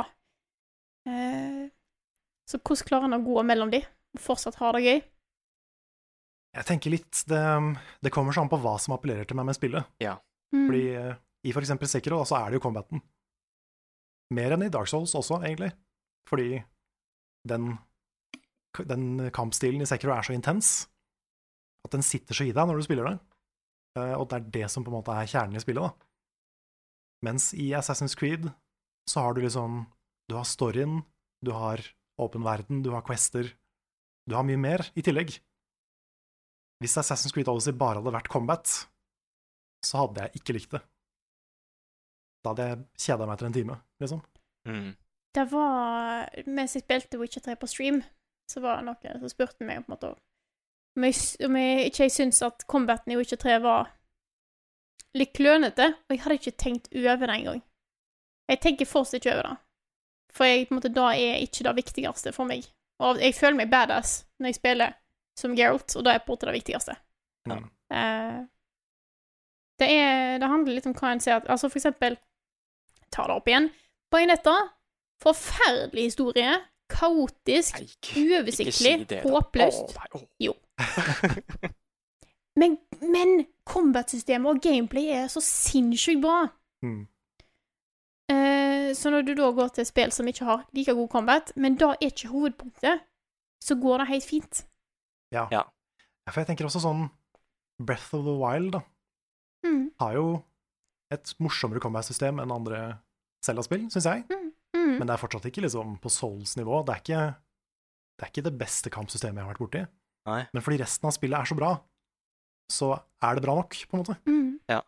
Hvis du er veldig opphengt i at combat er en veldig viktig ting for deg, så kan jeg skjønne at det blir et større et større problem, da. Vanskeligere å nyte i samme grad. Eh, jeg tror det rett og slett handler litt om hvilke typer spill folk er interessert i. Hva de ser etter i et spill. Jeg er litt enig i at den generiske tredjepersons sverdfekting-greia kan ofte være litt kjedelig. Hvis Det er ikke det liksom- er så bra som Souls, på en måte. Ja, det er liksom slå litt rull og blokk. Det er Mm. Det Mm. pleier å funke for meg, men, men det, er, det kan bli litt sånn generisk. Mm. Hvis ikke det er gjort veldig bra. Ja, jeg har problemer med Men det jeg hvis det er for syns- ja. Ah. likt noe annet. At det liksom Mm. eh, Hvis det er eh, Jeg føler at det å ta Sekro og sammenligne det med combaten i Assassin's Creed, det er, det er litt feil, da. Eh, Ja, for det er, det er så forskjellige, så forskjellige spill. ja, ikke sant? Kan du skyte bue i Sekiro? Nei, jeg tror ikke det, altså. Nei da. Men, men for eksempel, jeg hadde Jo, veldig så kan du det. Ja, egentlig. Jeg hadde problemer med eh, med Fallen Order. For det, det var Jeg kan ikke si at det var åpenbart, men det, det var veldig likt Sekiro. Mm. Og da merka jeg det spesielt med at dette her er ikke så raskt som det jeg kunne ønske at det var. Fordi igjen, jeg sammenligner det med Sekiro. Men jeg tenker at du blir litt flink til å skille de tinga og I hvert fall hvis man anmelder spill òg, da. Jeg er litt redd for at det plutselig skal skje. At jeg har blitt bortskjemt av ett spill, og så skal jeg hoppe over til noe annet, og så er jeg bare unødvendig kritisk mot det spillet. Mm. Ja, fordi eh, jeg tok meg sjøl litt da jeg spilte eh, Jedi Fallen Order, i å tenke at det hadde vært mer gøy å bare spille Sekiro, kanskje. sånn, hvis det blir for likt, så blir det vanskelig å ikke sammenligne. Men ja, Det er sant. det mm, Jeg, kan, jeg, jeg føler liksom jeg setter pris på ganske mange forskjellige typer combat. Men eh, så, så lenge det gjøres bra, så lenge det er gøy. Yes. Yes. Har dere spørsmål til? Kanskje et lynraskt et? Ta et lynraskt et. Ta et siste et, Nick. Ja, fordi på Patreon, eh, Kristoffer Gettoboys Hansen L- Leistad, han spør om om det er et spill dere tror dere ikke kommer til å like, hvilken karakter må den få, eller hvorfor, eller hvordan bør anmeldelsen være for at dere kaster, kaster dere over det? Og da har han referanse til Near Automata-anmeldelsen. Og da kan jeg jo si at det- hvis et spill får ti, liksom toppscore, da er jeg automatisk spent på hva det er, liksom. mm. Ja. Men øhm, den, er, den er så vanskelig. Den er det. Jeg ehm, prøver å komme på eksempler. Fordi jeg, jeg, jeg tror jeg har begynt å spille en del niere. Sånn som eh, Animal Crossing Mhm. begynte jeg å spille. Men det var, det var egentlig før anmeldelsen din kom. Så eh, jeg begynte å spille litt fordi jeg visste hvor gira du var på det. Night in the Woods. Ja, det spilte jeg med en gang. Mhm. Og ehm, en del av de nierne Rune har gitt, har jeg spilt. Mhm. Og en del av Nick sine anmeldelser har jeg spilt.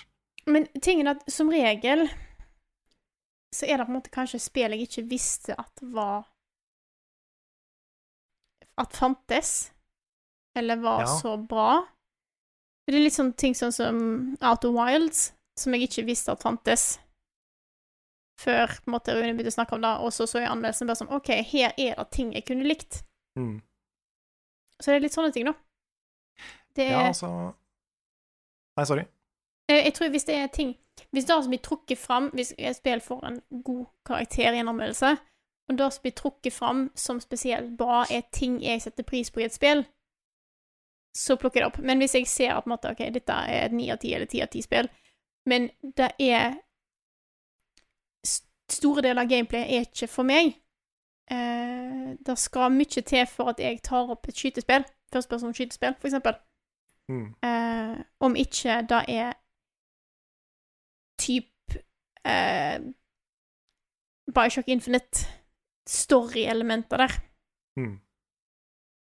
Så det Jeg er tenk- for meg jeg tenker så er det litt da. sånn- Ja, jeg tenker sånn for at jeg skulle spilt Call of Duty, da, for eksempel. Mhm. Da måtte det vært fordi noen fortalte meg at historien var helt amazing, liksom. Mm. Ja. Fordi bare skytespill-gameplay appell- er ikke nok til å appellere til meg. Jeg kan liksom fint spille et FPS, men jeg trenger en annen grunn til å ha lyst, på en måte. Ja. Og så har jeg ikke Jeg har noen sånne ikke-sjangere. Til en viss grad skrekk og sportsspill. Og bilspill Mhm. som ikke er Mario Kart og sånn. Så um, de, de sjangerne sitter litt langt inne. Mm. Men jeg har jo liksom spilt noen spill der òg. Sånn uh, Until Dawn har jeg spilt Doki Doki Literature Club. Ja, Mhm. Så eh, Nei, men eh, det, det kommer veldig an på sjanger. Noen er tøffere å komme inn i enn andre, syns jeg. Jeg tror kanskje Persona er et sånt spill for meg. Persona 5. Mm. Fordi stor fan av JRPG-er, eh, eller generelt RPG-er, men det turn-based combat skal litt til for at jeg orker. Mm. Ehm, så jeg tror det var etter på en måte, Du har jo snakka positivt om Persona-serien lenge, men jeg har liksom ikke visst om det var noe for meg. Men da jeg så anmeldelsen, så så jeg OK, her er det flere ting i til, eh, som jeg kunne likt, og jeg tror jeg skal klare meg med det combat-systemet. Så på en måte innså jeg at OK, her er det Mm. nok ting som jeg liker til at det går fint. Ja, for jeg også har tenkt litt på det med turn-based combat i det siste. Fordi det er så mange spill som har gått bort fra det. Mm. Og det var en periode jeg tenkte at liksom, kanskje ikke jeg liker det lenger. Men jeg gjør egentlig det. Det er bare så mange spill som gjør det dårlig. Ja. Så Ja. du har liksom Persona 5 har turn-based, Undertale har turn-based, Mhm. og eh, Pokémon har fortsatt turn-based. Mhm. Så jeg syns fortsatt det er nok spill som gjør det bra. Men det er så mange spill som har det ganske sånn Det er på en måte bare en utvanna versjon av gamle Final Fantasy Combat-systemer og sånn, da. Ja. Og da blir det litt tamt for meg. Enig. De må kunne gi nye ting, sånn som Undertale gjør, for eksempel. Mm. Selv om Pokémon er jo veldig basic. Men det, Ja. funker, det funker for meg sikkert fordi det er Pokémon, da, eller fordi du fanger de, og du, kan, du har så mange forskjellige, og Og fordi du kan, da. Da kampsystemet kan med inn og ut nå. det er sant. Vi vet hvordan det funker. Det er ikke noe å styre og sette seg inn i. True. True that. Nei, Jeg tenker at hvis det er noe veldig spesifikt, kanskje, som jeg ja, spesifikt jeg liker Eh, Et godt eksempel da er dette Everyone's Gone to the Rapture, som jeg elsker. Men jeg husker at det spillet fikk liksom alt fra femmere til åttere og sånn, da. Eh, Men jeg husker at det var, en anmel- det var en anmelder som hadde gitt det spillet seks av ti. Eh, Og han sa at eh, det var fire timer langt, men han, han var aldri sikker på hva mysteriet var før helt til slutten. Men han, var bare, men han likte bare ikke helt hva liksom svaret var, da. Men det var det som fikk meg til Å, å nei. spille det, fordi jeg begynte å tenke at eh, da kan det hende at han ikke likte det, ja, igjen, fordi han, han hadde bygd opp sin teori som ikke stemte. Og det Ja. gjorde meg veldig spent på bare Oi, han brukte fire timer, og han var fortsatt usikker på hva det var. Og det var også grunnen til at jeg elska det spillet. For jeg Mm. trodde jeg visste liksom av Hvorfor har alle sammen gone to the rapture? Ikke sant? Det er det hele spillet handler om. Og du får Mm. Men mange det teorier. også er en sånn Ja. Nei, for det også er en sånn ting eh, Litt med den der spekulasjonskulturen vi lever i nå, med folk på Reddit og folk på rundt omkring som på en måte plukker opp hint, lager teorier og forutser alt som skal skje og Mm. sånn. Folk blir så skuffa når ikke teoriene dem stemmer, Ja. og noen ganger når de stemmer også. Mm. Så jeg føler liksom at hvis du leser for mange teorier og går for dypt ned i noe, så er det fare for at du taper uansett, altså. Ja, det, det er sant. Ja. For enten så blir du skuffa, eller så blir du spoila. Mm. Ja, det, ja, ja, da men det, er- det er helt sant. Ja, det er en litt sånn trist del av den kulturen, selv om jeg er veldig glad i å sitte på forumer og spekulere og lese teorier og sånn, så er det sånn Noen ganger så f- ødelegger det ting litt for meg, altså. Ja, så det var liksom bare Det verste var da hele Reddit fant ut alt som kom til å skje i Westworld sesong 1. Ja, fordi der var jeg heldig at jeg leste, leste ettertid, altså. For Ja, de var Nei, jeg leste det etter første episode, og de skjønte det etter første episode. Ja, de var flinke, altså. Ja, Bukseteorien, Nick. ja, bukseteorien. bukseteorien også. Faen, da. er- Ja, Det, det er fortsatt sånn der bare jeg kan, jeg kan ikke tro at det stemte. Det var, det var bare he- pretty ren good. flaks. Men nei. Den var ganske insane, skal jeg innrømme. Mm. Ah, nei men så det, er- det er sånn bare Ja, jeg hørte bare at noen snakka om eh, i det spillet at de ga det fem av ti eller seks av ti, men det var mange, han hadde mange teorier hele tiden. Bare da Det høres ut som et godt mysterium. Det, det hørtes veldig ut som at hvis han hadde fått det svaret han ville ha, så hadde han gitt en god score, hvis det er mening. Mm. Ikke sant? Så derfor, tenkte jeg- da var det en gamble. Ja. ja, for det, det er sånn man helst burde prøve å løsrive seg, løsrive seg fra, da. Ja. Hvis du har en teori som du liker, men så velger spillet å gå en annen retning, så kan du på en måte ikke bli sur på spillet for det, hvis den andre retningen fortsatt er bra, da. Nei, Mm. sant? Så den, den er litt sånn, den er litt shaky. Ja, det er bukseteorien, det, ass. Det- Er det? Er det? Skal vi med, med bukseteorien skal vi runde av eh, denne podkasten for i dag? Det kan vi gjøre. Da gjør vi det. Da vil jeg si Level Backup, som du har hørt på nå, som er en spillpodkast for alle. Velkommen hvis du er ny lytter og sånt. Det glemmer jeg av og til å si. Eh, men ja, det, dette er en ut, podkast utgitt av moderne media. Låten i introen og outroen er komponert av Ole Sønlik Larsen og eh, framført og arrangert av Kyoshu Orkestra. Vignettene er lagd av fantastiske Martin Herfjord, for en fyr! Eh, du finner masse mer innhold fra oss på youtube.com slash levelupnord, og så streamer vi massevis på twitch.tv slash levelupnord. Hvis du liker det vi lager, og har lyst til å hjelpe oss med å fortsette å lage dette her i all tid framover, faktisk, så er det bare til å gå inn på patreon.com slash levelupnorge og støtte med det beløpet du sjøl har lyst til der. Eh, Så tusen takk til alle dere som eh, støtter oss på Patron, og ellers deler innholdet vårt. Det setter vi ekstremt stor pris på. Eh, takk for at du har hørt på denne podkasten her, og så snakkes vi igjen neste uke.